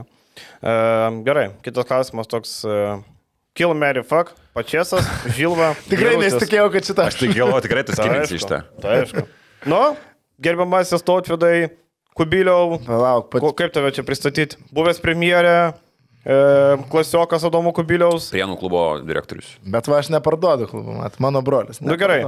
Aš e, kilinu Žilvą e, su Jaručiu ir su pačias susitokiam, nes pinigų turi. Nu. Ne, aš tai apsiženinčiau. Bet, uh, bet smurtas šeimoje paskui. Ne, nu tai ką, aš taikyčiau. Aš su Žilva įdomus būtų gyvenimas penktą ryto keltumės. Tai Žilva? Jo, Žilva Mary, for sure. bėgi pe- penktą ryto krosus, sveikai valgai, kiekviena diena, kiekviena diena naujiena. Ir jis vakarais komentuoja išėjęs, pastoviai būtų. Ir jis, e, krosiukas, galva švari, švari, švari, švari, kaip sako. Tada, ne, jis krosiukas, e, švari galva, e, suskaito e, žinių radijų sporto naujieną, kas man iki šiol mistika, bet tokiai. Tada mokykla ir komentuoja paskui, jo nėra namie. Viskas tvarkoja. Vakarė grįžta pavargęs, koks skirtumas. Tai Meri jo, Žilva. Uh, Jaru- Jarutis a, ten pat, kur ir Edgaras, čia labai lengvas mano pasirinkimas ir tada pačias askilieka. Nu, bet jūs Taip. jau iškrypelė jūs. tai O blo... tai- tai- tai- tai kas Gyvens su Žilvinu iškrypelė jūs, nu. Kaip jūs galit? Šiaip galėtume tik kairę tada sukti. Žilvas vakarais nėra. Na. Ja. Su Jaručiu. Su Jaručiu, pavyzdžiui, ne? Gerai, e, kokį čia dar galim klausimėlį tokį įdomesnį, e, kokį čia įdomesnį klausimėlį, nematau įdomesnio klausimėlio. Aiva, e, sako, sukomplektuoti 10 žaidėjų komandą, 2 jauni, su nedidelėm algom, komandos biudžetas pusantro milijono, visi lietuviai, ką galvojat? Mūsų- Pusantro milijono. Va, mūsų skaitytojas Soraka, va tokį pa padėliojo. Velyčką su Žemaičiu, Iškevičiu, Bieliauską, Radzevičiu, Jarumpauską, Oreliką Minėtą, Sajų ir Matskevičiu. Nu ir Sargiūną su Kryvu dar prideda. Telpačiais į pusantro milijono. Blemba, sunkiai, man Sunkiai, atrodo. manau. Nu, vien Velyčką šiaip e, irgi dabar pakankamai pakėlęs vertę. Aurelikas, Iškevičius, mm, Radzevičius, bet čia gal negytis Radzevičius, nes Radzevičius su IA parašyta. Tai čia gal Jonas. Jonas gal, bet jis irgi su E, ne? Radzevičius jo, o jisai su IA parašė. Mhm. Tai čia ne tas gal. Na, aš tikrai pasimčiau dabar uh, Justą Furmanavičių. Kaip pasakė, komandėlę jo. Pasimčiau Furmanavičių. Čia nebijotinai. Tai gal bendruomenė, jeigu Pasimčiau Kristupą Žemaitį, pasimčiau. Manau, dar kylantis žaidėjas. Tada veteranų reikia pasimčiau, kad, ir tą patį Gecevičių antrąją kėlę. A, Priekinė linija turbūt būtų sunkiausia, ką iš priekinės linijos kupšą bandyti parsivežti už, už nemažus pinigus. Tarolis, Kupšas, Minėtas, jo. Šiaip Parodas. Minėtas geras variantas LKL, jeigu ta komandėlė LKL, tai Minėtas ne, geras variantas tikrai. Um, aš dar galvočiau apie jo kupšas, bet aš galvočiau apie Sajų irgi. Sajus um, gynyboje, aišku, labai ribotas, šalia, šalia jo reikia labai roll net um, žaidėjo. Benžius. Sabetskį statyčiau šalia Žemaičio. Tai aš tą tandemą daryčiau. Blembas su Sabėtskiu bijau, kad skęstum kaip šiauliai skęsta. Šiauliai, nu, nėra nuskendę. Ta prasme, Blemba. kai ateina laikas žaisti, Sabėtskis įbėga į krūvą žmonių tris kartus iš eilės. Tai ir čia tos rungtynės, kur su Lietkabeliu buvo žaidimas sustojęs, Sabėtskis, kada reikia, du kartai įbėga į krūvą žmonių. Nu, Aš galvoju, kad e, aš pasimčiau Paulių Valinską vien dėl to, kad galėtų viens ant vieno apsižaisti. Aš paimčiau Paulių Valinską. Arba jeigu Girdžiūnas palieka rytą, labai gera opcija. Realiai, Girdžiūnas tokios komandos būtų vienas lyderio, vienas polimo lyderio būtų. Dar žinai, ką paimčiau gailių. Nu, gailius labai geras LKL mastais tikrai. Ir dabar jau alga nukritusi iki padarių ten 70-80. Tai tikrai galima nusipirkti. O Ir Lukošiūną šaučiau. Van vietoj Gecevičiaus gal. Jeigu ten esu šimtą kokią 20, va taip, va šimtą tūkstantėlį. ir galėtum į finalą eiti, man atrodo, ne? Jeigu tik leistų kas nors. Ką manom apie pono Jono Jerepko prisijungimą prie CSK? Nu, šūdas, o ką gali manyti daugiau ten. Nu jo, čia nelabai kažką primanysi, bet galima pamodeliuoti tą situaciją, dėl ko jis pasirinko būti šūdu, nu tai turbūt paskutinis sezonas, 35 metai, gal pinigėlius kažkur ištaškė žmogus vaikščiodamas į kairę ir į dešinę. A, gal neištaškė, gal neištaškė. gal nori turėti. Nu, NBA jis daug užsidirbė. Lemba, jeigu daugiau, tai kiek jis, nu, čia visiškas spėjimas, nu, porą šimtų tūkstančių gaus už tą porą mėnesių. Gal nu, net daugiau šiek tiek. Tai jo karjeros uh, žaidėjai, nu tai nėra kažkokie įspūdingi pinigai, kuriuos tu pasimi.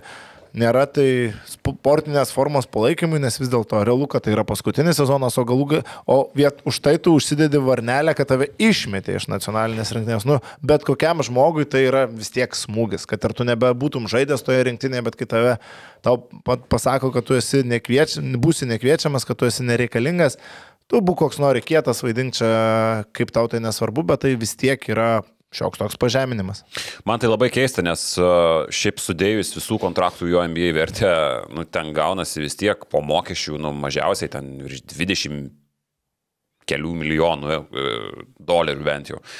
Ir dabar taip statyti ant savęs dėl kelių šimtų tūkstančių, poro šimtų tūkstančių iš Maskvos SK, nu man tai labai keista. Ir klubas su didinga istorija, na aišku, tenais klubas pats parašė, klausimas, ar jis ten taip būtent ir sakė, bet a, ta citata buvo, kad va čia džiaugiuosi prisijungdamas prie tokio didingo ir garsaus klubo. Nu, Čia labiau sako apie patį žmogų, kad jis yra moralinis šūdas. A, ir viskas, o pinigai, aš nežinau, nu, jis, aš nežinau jo gyvenimo galimų klyskelių ar panašiai, bet jo vaikam ir galimai anūkam liks tie pinigai, kuriuos jis jau yra užsidirbęs iš savo karjeros. Tai, tai čia nėra tas piniginis klausimas, ko gero. Čia, kaip sakoma, jis turi teisę būti šūdu, mes turim teisę laikyti iš šūdų. Tai toks ir tokia ir situacija. Šiaip Jonas Repko sezono metu tikrai turėjo pasiūlymų iš žemesnio lygio klubų ir jisai buvo siūlomas, tam pačiam Žalgiriui buvo labai intensyviai siūlomas, kai traumą patyrė Žiufri Lovernas, e, labai daugam buvo siūlomas, bet jisai neva neturėjo motivacijos žaisti už mažus pinigus. Tai e, aš spėju, kad jisai CSK gaus daugiau negu porą šimtų tūkstančių. Manau, kad tai gali būti ir pusė milijonų už labai blemba, trumpą už du mėnesius pusę lemo. Bet CSK neturi ką daryti, jiems reikia apginti savo garbę vietiniam fronte, jiems reikia žaidėjų. Bet ar jiem tai yra žudbūt e, pergalės tikslas, jie turi A licenciją, bet kokiu atveju. Bet jie nori laimėti VTB vis tiek, nu nenori, kad nutrauktų karaliavimą, žinai. Tai akivaizdu, kad CSK jau metė viską, ką galima. Ir šiaip girdėjau iš kelių agentų, kad tie Rusijos klubai buvo pasiruošę mokėti žaidėjim, kad tik atvažiuotų keturis kartus, netgi daugiau negu jie prašo. Bet uh, niekas nenorėjo važiuoti. Vieni dėl uh, saugumo bijo, kiti dėl um, smerkia karinę agresiją, dar kiti žmonės dėl elementaraus susisiekimo, kaip dabar nukeliauti, ar ne? Ir dar Ir kitas toliau. klausimas, tu žinai, pasirašai, bet ar tu esi šimtų procentų tikras, kad tau ten viską taip gražiai dabar ir išmokės dabartinėje situacijoje? Nu, tu dėl to, ne, aš sutinku, kad yra saugikliai ir taip toliau, bet dabartinėje situacijoje, nu, tai netrodo man. Kad ir tie saugikliai, žinai, dabar ką FIBA bata nueis, e, FIBA nebeleis registruoti žaidėjo, ne, e, kur, nu, gerai, CSK, ne, Eurolygos klubas, bet ten kiti vėl nežino, kas su jais bus ir kur jie žais ir kas bus, tai čia toks, žinai, 50-50. Taip, taip. Tai va, tai Jerepko pasiemė pinigus paskutinius ir turbūt jam pašvilpt, ką visi galvoja, tai labai natūralu. Tai mums pašvilpė. O šiaip į tą temą ponitkos atmasais patikėjot, nes man labai jokinga atrodėte, ne? Ai, aš tai žinok, žiūrėčiau taip, nu, išėjo ir išėjo. Man tai suprantu, kad dėmę jisai užsidėjo, bet, nu, geriau vėliau negu niekada. Nu, Bet ponitkos į žalgerį nepasirašytum. ne. Nu va. Aš taip paimčiau vietų langą. Aš paimčiau, nu vėlgi mes prieėmėme. Nu vėlgi, ponit, ponitka yra tas atvejis, kaip aš sakau, kur išėjo, bet aš, pavyzdžiui, nu neimčiau nei vieno žaidėjo, kuris dabar yra, liko žaisti Rusijoje. Dėl elementarios, nežinau, sąžinės. Tai va įdomu, kurie dėsis. Nu, matai, pavyzdžiui, Kenonas išvažiavo į Turkiją dabar, ne? Jis Bet- žaidė. Taip, tai yra irgi kiekvienas Bet atvejis. jisai žaidė. skirtingas. Nu, O tai kiek žaidė, su- bet išėjo. Nu, Bet kiek turi sužaisti rungtynių, kad tu neimtum? Imi atvejį ir tada žiūri, dėl ko žaidė, kodėl žaidė, ką šneka, ką galvoja. Bet Tai ne vienas nešneka nieko. Per agentus šnekės. Gal vaikai buvo jo kazaniai prirakinti prie sienos. Nu, aš čia, aišku, hiperbolizuoju, bet teoriškai, teoriškai taip, žaidėjai, kurie neišvyko iš Rusijos, mano supratimu, iš žalgerį, aš jų neimčiau. E, kitas klausimas, e, mūsų skaitytojas prisiminė tokį legendinį sniperį, Donatą Slaniną. Jis sako, kodėlgi jis Macijausko netapo. Ir man Slanina visai ką kelia tokius labai gražius prisiminimus susijusius su Žalgiu? Jis buvo labai geras koreris, tarkim, net ir Eurolygoje. Atsimenam, Slanina buvo žiauri geras. Ir Slan, aš irgi prieš tą klausimą galvojau, Slanai nepasisekė, kad šalia tuo metu buvo ryškesnių žaidėjų negu jis Lietuvos rinktinėje automatiškai, jisai negalėjo su jais nukonkuruoti. Žalgris tuo metu buvo nekonkurencingas, nors jis buvo pakankamai geras. Ir tarkim, jeigu nebūtų buvę Matso tuo metu, nemanau, kad uh, rinktinės pasiekimai būtų buvę daug prastesni, o Slanina būtų buvęs ryškesnis toje komandoje. Tai tiesiog jis buvo šalia per daug gerų žaidėjų. Viskas pasakyta, jo. Geras žaidėjas buvo, smagus e, metikas, viskas tvarkoja, bet tiesiog buvo daug žaidėjų. Geresnių už jį tuo metu objektyviai. Du trečiais jis buvo toje auksinėje rinktinėje. Auksą pasiėmė. Bet daugiau du ketvirtais jau jo nebuvo, man atrodo, Atenuose. Atenai, palauk, du ketvirtais. Nepamenu, nepamenu, nenoriu suklaidinti, gali būti. E, sako, surikiuokit šitos keturis dalykus e, pagal didžiausią farsą Eurolygoje. Pirma, Websteris ir Janis Žalgiri. Antra, dopingą vartojantis Milano žaidėjai. Trečia, Jerepko prie CSK. Ir ketvirta, Eurolygos vėluojantis sprendimai dėl okupantų klubų. Turbūt į pirmą vietą reikia dėti Eurolygos sprendimus, ne? Jo, ne, kas antras buvo, primink. Dopingą vartojantis Milano žaidėjai. Uh, Tai toks maža reikšmės iš esmės. Ten tokie jo. aš vietinių lygių labai subjektyviai vertinant, Žalgeris pirmoje vietoje. Žalgris pirmoje vietoje. Jo. Hebra, nu, come on, tu turėjai visus įrankius pasimti, sudėti kažkokią. Tau nieko, ne, nu gerai, mes daugiau neprašom iš to situacijų, bet nėra žaiskam, nėra perimetro linijos viskas. Tai yra Websteris. Nu, tai yra ir, ir kas dar. Yra ten tų žaidėjų kažkas, nu, žaidžia krūta kažkas, ne? Šiaip Spurda. čia ant kartų šnekėta, bet nu, visi sezono eigoje padaryti sprendimai, nu jie taip sudegė. Dabar Dragi, tu turėjai Websterį ir Dragičio, ne pasiemęs jau sezono eigoje. Hmm, metam turbūt Dragičių, kuris turi Eurolygos patirties ir jis dabar Europos taurį. Bet Jūriui netiko, matai. Bet jis dabar Europos taurį žaidė, jis yra žaidėjas, jis yra Eurolygos lygos žaidėjas. Netiko. Eurocap irgi žaidė. Delivery nuo Eurocapė. Tai nori pasakyti, im- imtum Websterį, ne Dragičių. Noriu pasakyti, kad treneriui geriau buvo matyti. Nu, blemba, bet mes mat- Dragičius nu visiškai nefunkcionavo. Bet dabar jisai funkcionuoja. Bet Okei, Dragičius, Europos taurį, a- bet neblogai komanda. Bet ne tą poziciją. Aš tai sutinku su tavim, viskas čia yra tvarkoje, tik tai noriu pridėti dar vieną argumentą, kad buvo mažiausiai dviejos rungtynės, kur Dragičius visai pusę velnio atrodė. Kiek Websteris tokių rungtynių atrodė? Nu, nebuvo tokių. Bet jo, treneris mato treniruočio procesą ir viskas yra tvarkoje. Tai aš manau, mano požiūriu, Žalgiris vis tiek, nu čia yra, pū, neįlinis toks apsivarimas, apsikakinimas su sudėties komplektacija. Sunku net pagalvoti, kad taip gali būti, bet taip įvyko ir po vakarykštės PAO pergalės. Galbūt labai realu, kad Žalgiris šį sezoną taip ir pasiliks paskutiniai vietoje ir šiaip, kas jau aišku, turės prašiausią pasirodymą Eurolygoje, šitos Eurolygos, modernesnės Eurolygos istorijoje. Toliau primink tuos tris variantus.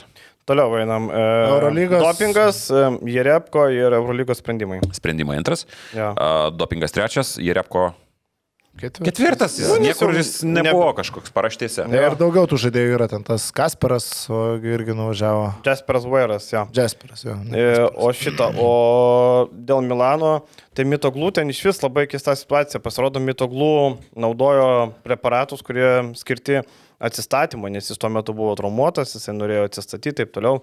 E, tai, bet, e, bet kaip suprantu, nu viskas, grėsia diskvalas. Bet neaišku, kiek gali būti pusę metų. Jeigu ten yra nelabai nedaug, jeigu bus aiškus paaiškinimai, kaip gavo, kaip kur, tada gali būti pusmetis. Tai reiškia, nu, kitam sezonui bus pasiruošęs praktiškai.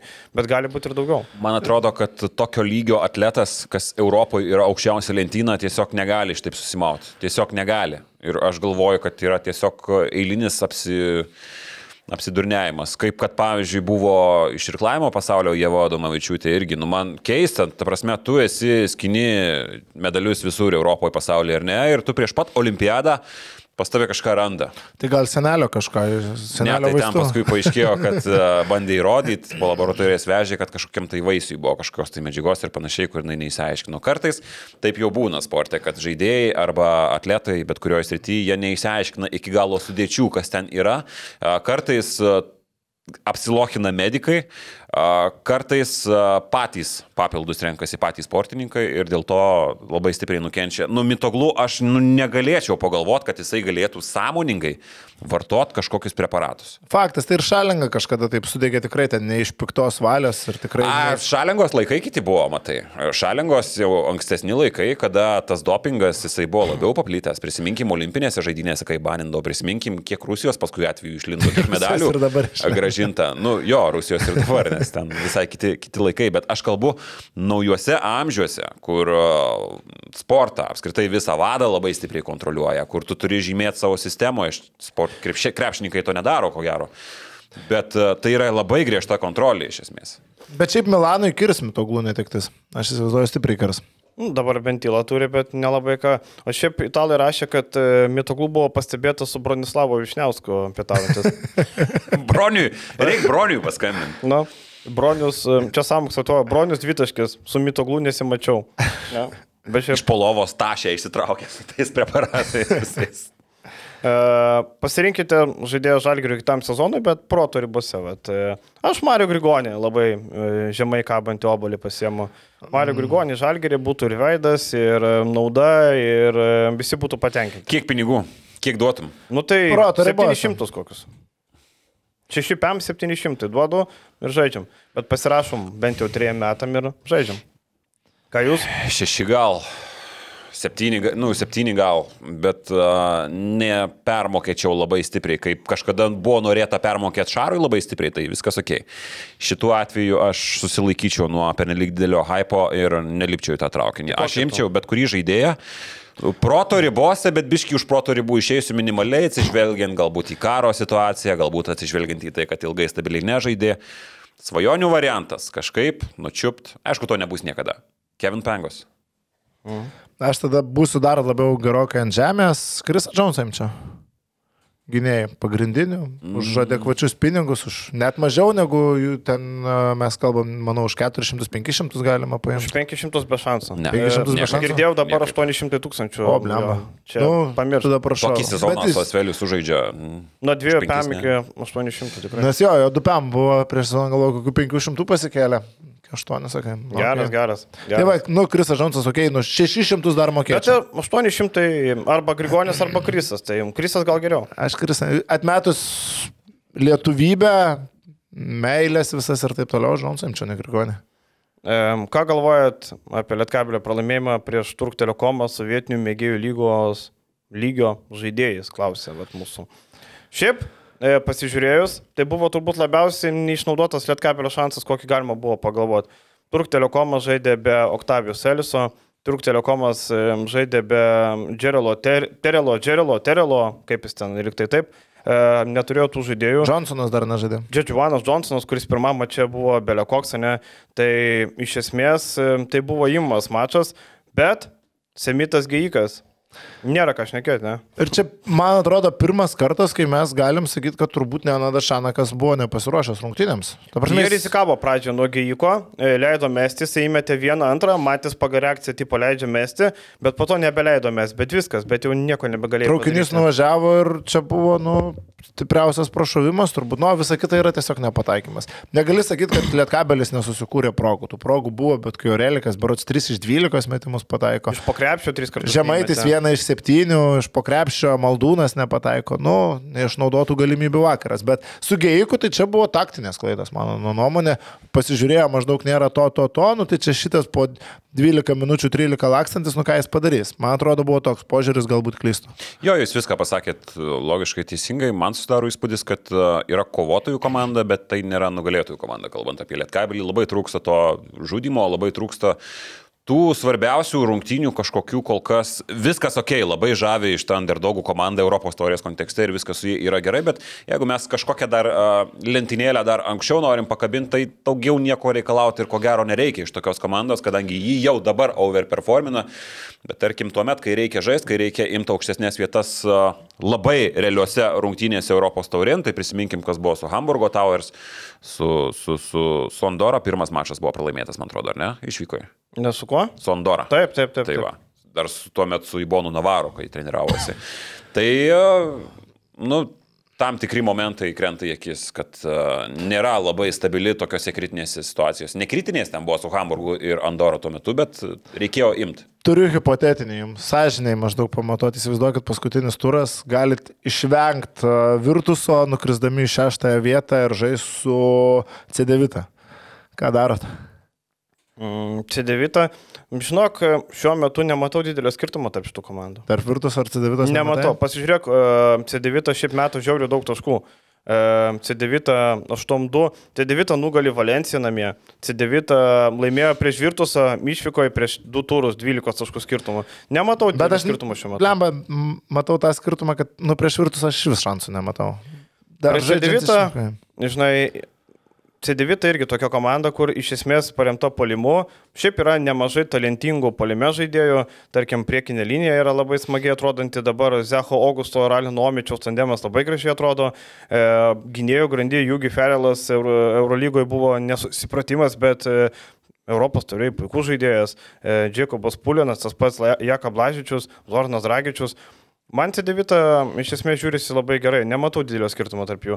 Ir šiaip Lietkabeliui, kad Lietkabelis paskutiniam turė pralaimėjęs Metropolitansam, tai čia net nereikia e, normaliai norėti išvengti. Čia realiai net ir atiduodant visas jėgas laimėti prieš tokią komandą bus labai sudėtinga. Juolab, kad jinai bus motivuota ir jinai bandys e, palagalį aplekti partizaną, ar ne, vat reikia pasižiūrėti. Mm, toj. Aš tik dabar pridėsiu, kol jūs galvojat, kad uh, Pridėsiu tiesiog trumpą tokią įžvalgą, čia Devita turi geriausią savo komandą per visą istoriją. Taip. Ir, a, ir tai matosi ant popieriaus, ir tai matosi rezultatų lentelėse. Tai čia ir tas, ir tas variantas, nu, jis nėra, nėra kažkoks tai labai geras lietkabeliui, bet aš žaičiau taip, kaip yra ir sulaukčiau to virtuso. Jeigu jisai mes imam- Ir tai jau yra labai gražu panėžiui, ir tai jau labai gražu iš tai komandai. Atsivežt playoffuose virtusą iki panevežio, nu, hebrytė, čia yra labai stipru. Taip. Prisiminkim, kad Olimpija buvo stipri, jeigu mes kalbam apie Liublianos Olimpiją, tai ten su Timu Raniku Žalgirį balsdavo Eurolygai. Bet ten būdavo tokia komanda, kur underdogai, mažas biudžetas, bet sugebėdavo surinkti neblogą komandą. Kaip aš tada Timu Raniku Žalgirį norėdavau, atsimenu, mm -hmm. lemą kokie du, treti, gal du antri. O metropolitansai nebeturi motivacijos. Jie partizaną aplenkti negali, o Andorą jų aplenkti negali, kadangi Andorą turi e, pirm, pirmą mačą metropolitansai 7 laimėjo, antrą laimėjo 9, jokių problemų nėra. Tai metropolitansai nieko nebijo, kaip sakant. E, Bijo tų, kurie nieko nebijo. Tai... Nieko nebijo, kaip Nenadas nebijo COVID, nes Jo. tiesiog neima. Arba, arba, nu kaip, Lietkabelis dar teoriškai gali pavyti metropolitansą. Jeigu laimi prieš Hamburgą ir laimi Paryžiui, tada gali pasivyti. Bet, bet iš esmės tai, bet, bet tokia situacija, turbūt, kad namų aikštės pranašumo mažai šansų, kad bus namų aikštės pranašumas. E, reikėjo būtinai imti Turk Telekomą labai E, Nu, viską iliustravo tas Davido nepataikymas iš pakrepšio. Ne, gera situacija buvo tikrai. Gal neįvertino, kiek laiko liko, gal taip, bet, bet iš esmės... Nepatogia ranka dar likmetais ten. Jo, ten mm. gana nepatogu buvo, bet, e, nu, toks neišnaudotų galimybių, kaip sakant, Turk Telekomas buvo toks, kur, kur tikrai galima buvo pasimti, bet, e, bet dabar ką, reikia Hamburgą nugalėti, nu ką, nieko, nieko nebus, kaip sakant. Bet nu namų pranašumas turbūt, turbūt e, Sunkiai. Sunkiai, tai Sunkiai. Bet šansų yra. Žinom, Lietkabelis nekartų nustebino šį sezoną, tai šansų yra ir reikia to palinkėti. Bet taip lemba, gaunas, kad viskas Europos taurės nebebus panevežė, jeigu namų pranašumo nebėra. taip. Taip, gaila. Žmonių Ir- kaip tik atėjo 2,5 štukos. Ir jeigu, ir jeigu gaunasi playoffai išvykoje, tai apmaudoka. Tai dar žmonėm yra ką žiūrėti, balandį atvažiuoja rytas, atvažiuoja žalgeris, pliofai prasideda, tai Panevėžys. a, labai geri bus playoffai LKL, ko gero. Nu, tarkim, apie pusfinalį, jeigu mes kalbėsim apie... apie, apie Nu ir ketvirtos, penktos vietos. Jo, ir apie ketvirtfinalį vietom momentais. Tai bus labai ką pažiūrėti. Tam pačiam panėžiui laukia karštas pavasaris pakankamai. Jo. E, dar vienas klausimas. E, Kaip vertinam LKL komandų požiūrį, kad dažnai klubai turi 8 žaidėjus? Dalis 10, du iš jų jaunimas. E, Kaip čia gali vertinti? Čia yra neprofesionalumas, čia yra kaimas. Tiesiog. Kartais tai yra realybė, kartais tai yra neprofesionalumas, labai priklauso nuo rinkos, kartais tai yra nuo, nepriklauso nuo pačių klubų, kadangi biudžetai yra surinkami vėlai, iš savivaldybių negaunama tam tikrų pažadų. Kartais tai yra tiesiog taip, realybė, bet kartais tai yra kaimas. Kartais taip, bet aš visai suprantu idėją, tarkim, galbūt jo nava ne visai tinkamas, nes apskritai tų 12-11 žaidėjų nelabai yra, yra dėl popieriaus, bet tarkim Lietkabelis, jeigu mes kalbam apie Europos taurės varžybas, irgi turi 8-9 žaidėjus ir 3 nežaidžiančius krepšininkus. Tai permeskim šitą modelį į LKL su na, žemesnės lentynos žaidėjais ir aš tai nebūčiau labai out nuo Bet tokios situacijos. čia, man atrodo, klausimas buvo labiau apie pasvalio modelį. Jo, nu tai pas čia faktas, Čia visai čia net, net, net neverta kalbėti, bet aš kalbu apie situaciją, tarkim, jeigu tu turi aštuonis žaidžiančius žaidėjus, normalius žaidžiančius ir keturis, tarkim, tris iš krepšinio mokyklos 17 Ne, metų. tai, tai čia ne apie tai klausimas, man atrodo. Ne buvo. apie tai? Nu, tai tada gerai. Čia yra apie tą modelį, kai nesu, aš taip suprantu, kad nesukomplektuoja komandos. Taip, taip. Ne, tai taip. čia, čia turbūt net neverta diskusijos, čia yra tragedija. Nu, tai taip. Ir kodėl neintegruoja jaunimo, neturi 12 žaidėjų. E, dar su to jaunimu yra toks, tokia pusė, tarkim, e, kartais komandos registruoja žaidėjus dėl, dėl reikalo. Tarkim, e, pasaulio atveju išvažiavo jų keli legionieriai reikėjo kažką registruoti. Tai jie Vilių Voluntonį įtraukė, kurio nenorėjo, kuris ten nefigūruoja. E, ten, nu, žodžiu, Kuris pats nenorėjo. Nu, iš esmės, iš esmės, e, jeigu pasižiūrėti, man atrodo, kad e, tegul būna tie jaunimas, tegul būna tas, kuris iš tikrųjų kažką gali, ne? negu tas, kur mes registruojam, ai, beleką, maždaug dėl skaičiaus. Bet tas dėl skaičiaus jo net nebūna fiziškai niekada. Ne? Tai nežinau, ten tarkim, Utina turi tą Martiną Žvirblį, Redą Šūkštą, nu bet jie nežaidžia, bet jie bent jau ten yra pastovi, ne? tai bent jau tiek. Tai man atrodo geriau. Prienai Jurgelionį turi, kur irgi turbūt nelabai. Ne, ne Aš kažkada atsimenu labai, labai, nu, čia negalima gal juoktis, bet iš šitų Nurbano vėl prie tų pasteisinimų grįžim. Ten nebuvo pasteisinimas, bet aišku, jis pats tai supranta, bet spaudos konferencijų išvirblis dar traumą gavo. Kam, kam, kam rūpi dabartinėje situacijoje? Tik ten... Apie vietinius žaidėjus irgi, vat, kiek Marijampolės klube esu dirbęs, tai vat, irgi pavyzdys, kadangi tai yra, ko gero, didžiausias LKL, NKL klubas šiuo metu. Ir visada buvo diskusija anksčiau Marijampolė, kai po tų visų uh, šūdvabalių valdymo laikų, kuomet uh, braudusai, atsimenu, vos nekliavo lapais buvo pažadėta alga ir apsižiūrėta, kad A, B mes neturim pinigų ir kažką reikia daryti. Ir galiausiai klubas bankrutavo ir išnyko, galiausiai išsikūrė uh, Mantingos uh, padedamas uh, naujas klubas, kuris sėkmingai funkcionuoja, labai sėkmingai funkcionuoja ir dabar. Ir pirmaisiais savo metais jie rėmėsi vietiniais marijampoliečiais. Ir žmonėm buvo, nu, yra toksai būrelis entuziastų, Čia ir žalgirių iš esmės galima iš tą pritaikyti. Yra burelis entuziastų, kurie sakydavo, o Marijam Pliečiai žaidžia, kaip smagu žiūrėti. Nu, aš suprantu, kad smagu, viskas tvarkoja, bet atėjo laikas, kada vadovai nori laimėti NKL. -ą. Ir jie suprato, kad tie Marijam Pliečiai, nu, kad tu norėsi laimėti NKL, nebepatempė tau to lygio. Yra du galintys žaisti tame lygiai, tuo metu irgi žaidėjai ir dabar jie ten žaidžia, tai pavyzdžiui, Labutis Kličinikas ar ne, vadžino tautvis. Ir jie viskas tvarko, įsipaišo į tą komandą, bet ten buvo ir daugiau tokių vyresnių, kurie jau nebeveža ir jų reikia skaudžiai, bet atsisakyti, nes jie yra suaugę su tą komandą. Ir jų buvo atsisakyta. Ir Suduva ir laimėjo, ten paskui Žibėno buvo pirmie metai ir galiausiai pirmą kartą gyvenime. Žibėnas nelaimėjo su manimi. Ne, finalo ketvirtą. Tai aš ir noriu pasakyti, mm. pirmą kartą istorijoje pateko į finalo ketvirtą. Bet jau be tų krūvos Marijam Puliečių piliečių ir pyko visi, kaip čia tai, ką čia žiūrėti dabar, kaip čia mes dabar būsim, kokiam čia tipo, uh, kaip čia atrodysim, nežaidžia Marijampoliečiai, bet atvažiuoja iš Kauno. Čia yra kaimo požiūris. Realiai nėra tų vietinių žaidėjų, pakankamai, kad būtų branduolys. Yra tiek, kad būtų, nu, Vakieža galiausiai grįžo, tai jis yra jau miesto legenda ir panašiai. Buvo Valukonis savo laiku.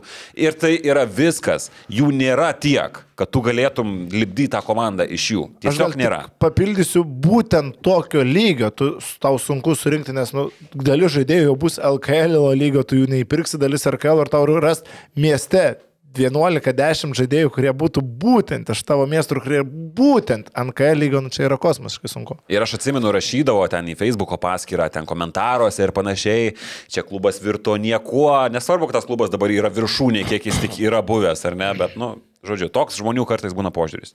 Ir e, dažnai savivaldybės labai spaudžia, kad būtų kažkiek vietinių komandų. Jeigu nėra trenerių, Tai bent jau žaidėjų, jeigu nėra žaidėjų, kad bent jau kažkokių trenerių būtų. Arba patys klubai prieš savivaldybę nori parodyti, kad jie turi jaunimą ir ugdo jo. Jo, tai tokie, tokios, tokios būna situacijos.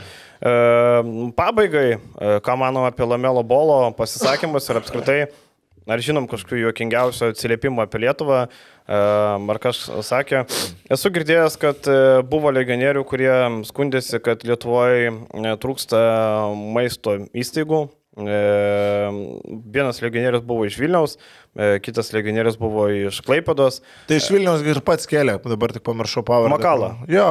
Jo, tai va, e, ir dar be jo yra buvę, kad e, Vilniui trūksta kur pavalgyti, bet ten buvo apeliuojama, kad Vilniui trūko amerikietiško maisto. Nežinau, ko jis ten norėjo, nu, nežinau, ripsų norėjo. Bet ripsų, pavyzdžiui, aš nu, nereklamuosiu, bet aфиgeną vietą Vilniuje atradau. Negaliu reklamuoti tikrai, bet, bet tikrai puikiai vieta, nu, tarkim, net netoli užos vartų. Ai, taip, taip. Žinai? Tu žinau, aš. Tai sakykit, ar čia negalima. Ne, kam čia reikia? To nu, nemoka.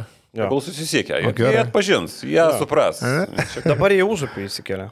Žinok, sakė, išsikels iš užupio. Okay. Aš buvau prieš du mėnesius. Sako, liks tik prie aušos vartų. Mm, okay. Tai va, tai tada dar esu girdėjęs, kad vienas treneris skundėsi, kad Lietuvoje per brangu skambinti užsienį iš Lietuvos. Irgi buvo minusas.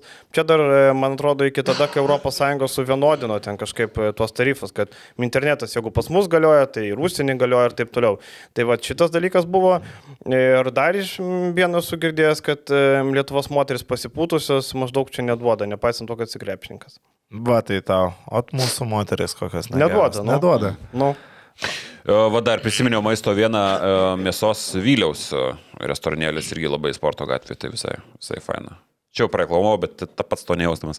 Žodžiu, o ties tais tai man šiaip keiščiausias buvo, bet kas yra labai make sense, yra skersio uh, pase, kas yra springsti. Jo, aš sakiau, kad man gerklės skauda ir dabar ant pabaigos pramušė.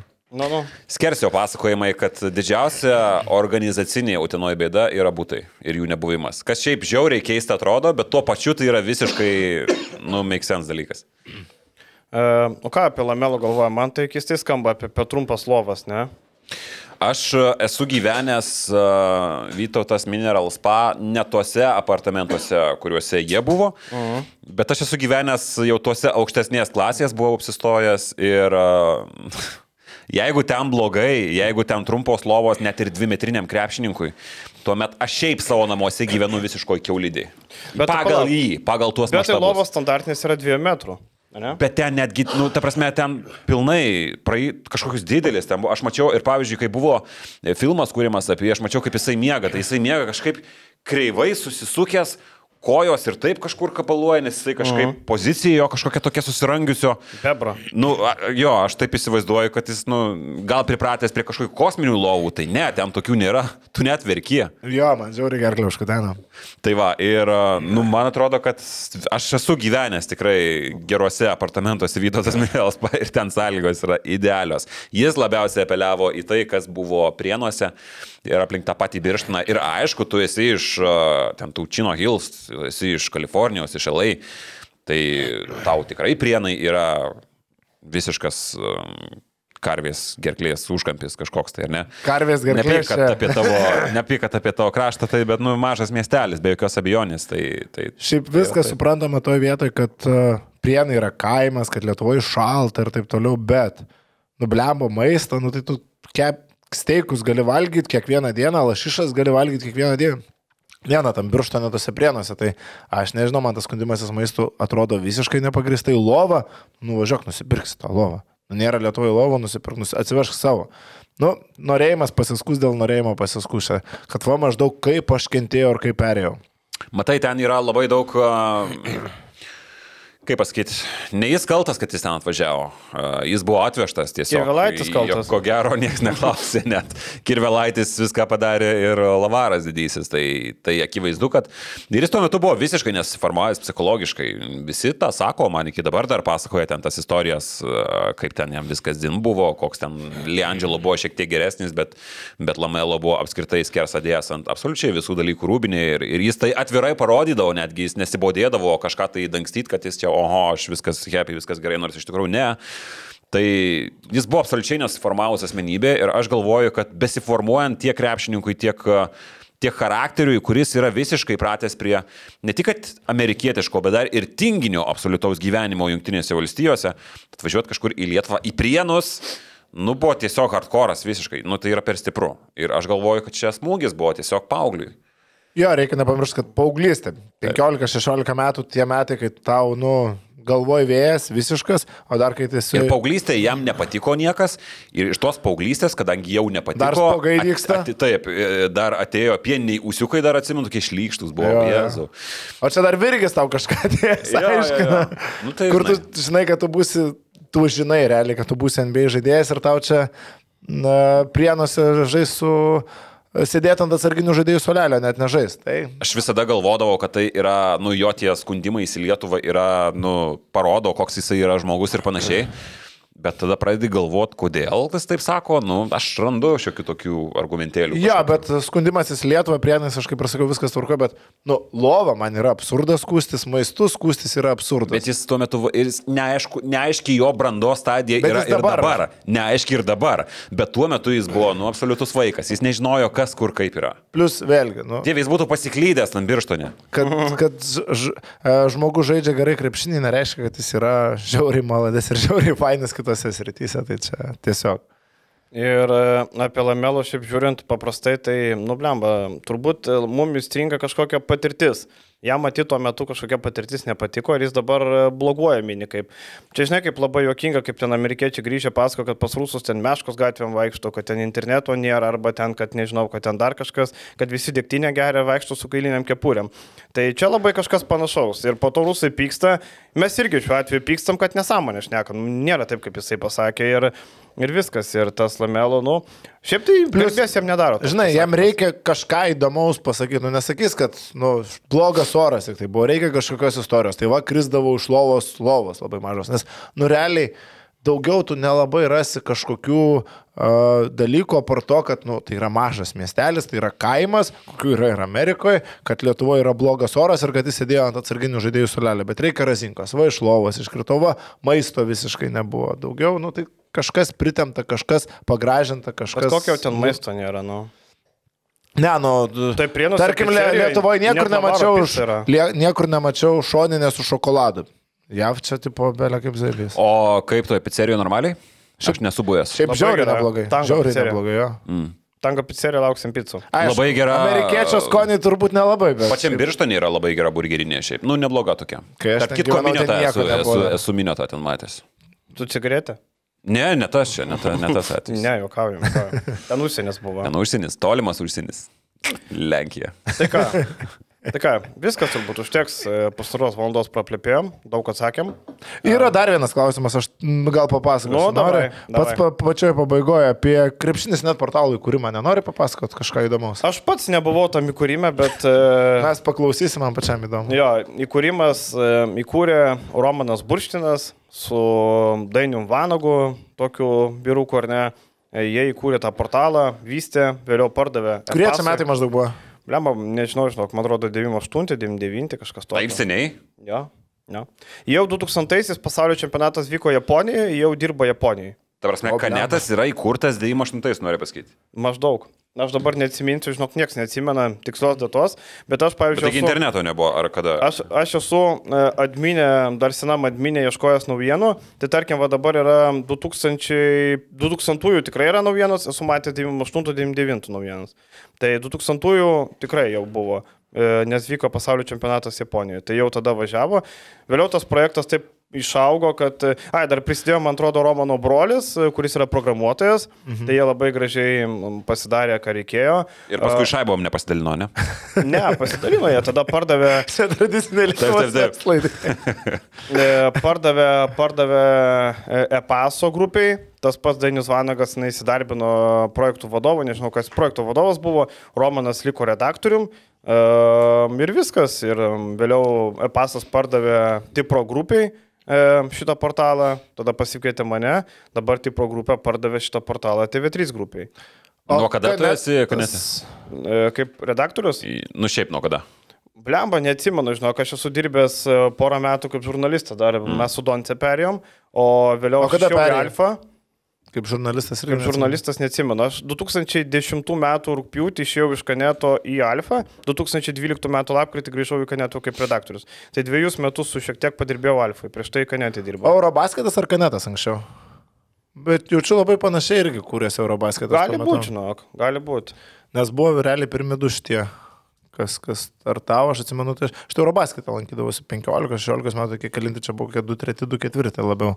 Ten tas Jo, forumas geras jo. labai būdavo. Aš visus skaitydavau, absoliučiai visus. Kiek buvo?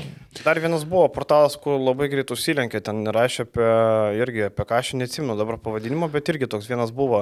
Prie Baniusų, Kaneto, Eurobasketo dar vienas. Tai baniusai jau vėliau atsirado. Jo, irgi. vėliau, vėliau, čia buvo kokie du. Dar buvo portalas, ta prasme, ne Facebook toks- grupė, nu jo, bet buvo, egzistavo tuo metu irgi toksai. Jo, tai taip, Kanetas ir įsikūrė realiai taip, e, ką žinau, iš vienų rankų į kitas, iš vienų į kitas, taip, e, taip ir e, praėjo. Ten kažkas dar apie dizainą buvo, kad 92 metų dizainas, nu ne 92, jeigu yra kažkoks puslapis, dabar tai atsiminsiu, jisai fiksuoja kasmet portalų dizainus. Galima pasižiūrėti, kaip atrodė tie portalai nuo, nuo ten 2000 ar ten kažkėlintų metų. Tai vad galima pasižiūrėti, bet iš esmės, nu ką, e, toks yra dizainas, toks jisai, nu kažkada pasikeis, bet dabar mes... Aš tai labai atpažįstamas. nemėgstu, kai keičiasi puslapių dizainai, man aš priprantu, man... Eurolyga. Eurolygai skolink, mane.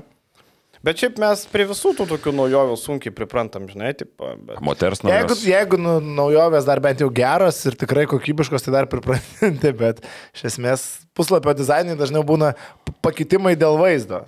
Tai man, man funkcionalumas, funkcionalumas visada yra aukščiau iš vaizdo. Jo, šriftas, kaip atrodo, kaip gali pasiekti, tarkim, ten e, šonė mes turim tas naujausias, tarkim, tas blokelis labai gerai spaudžiamas, labai mėgstamas žmonių, kur tu ateini ir matai naujausias naujienas, tam nereikia slinkti, matai, va, kas čia įvyko e, chronologiškai. Tai man atrodo, kad, kad visai nieko, aišku, yra ką patobulinti ir bus tai patobulinta, čia nėra kalbų, bet iš esmės e, e, daug kas yra įpratę ir aš atsimenu, kai mes pakeitėm iš senų į šitą dizainą, oi kiek daug trešų buvo, Jėzus Marija ten komentaruose belekas buvo, po to nebesilankysiu, neįsiu nieko, po to pri- aprimo, aprimo, įprato ir viskas gerai buvo. Tai va, tai man atrodo viską čia ir apie kanetą, apie visus papasakojom, apie krepšininkus ir, ir nuklydimus, ne. E, tai ką, ačiū Jums, ačiū visiems, e, nepamirškit laiko, subscribe ir e, iki kitos savaitės. Iki. Visą.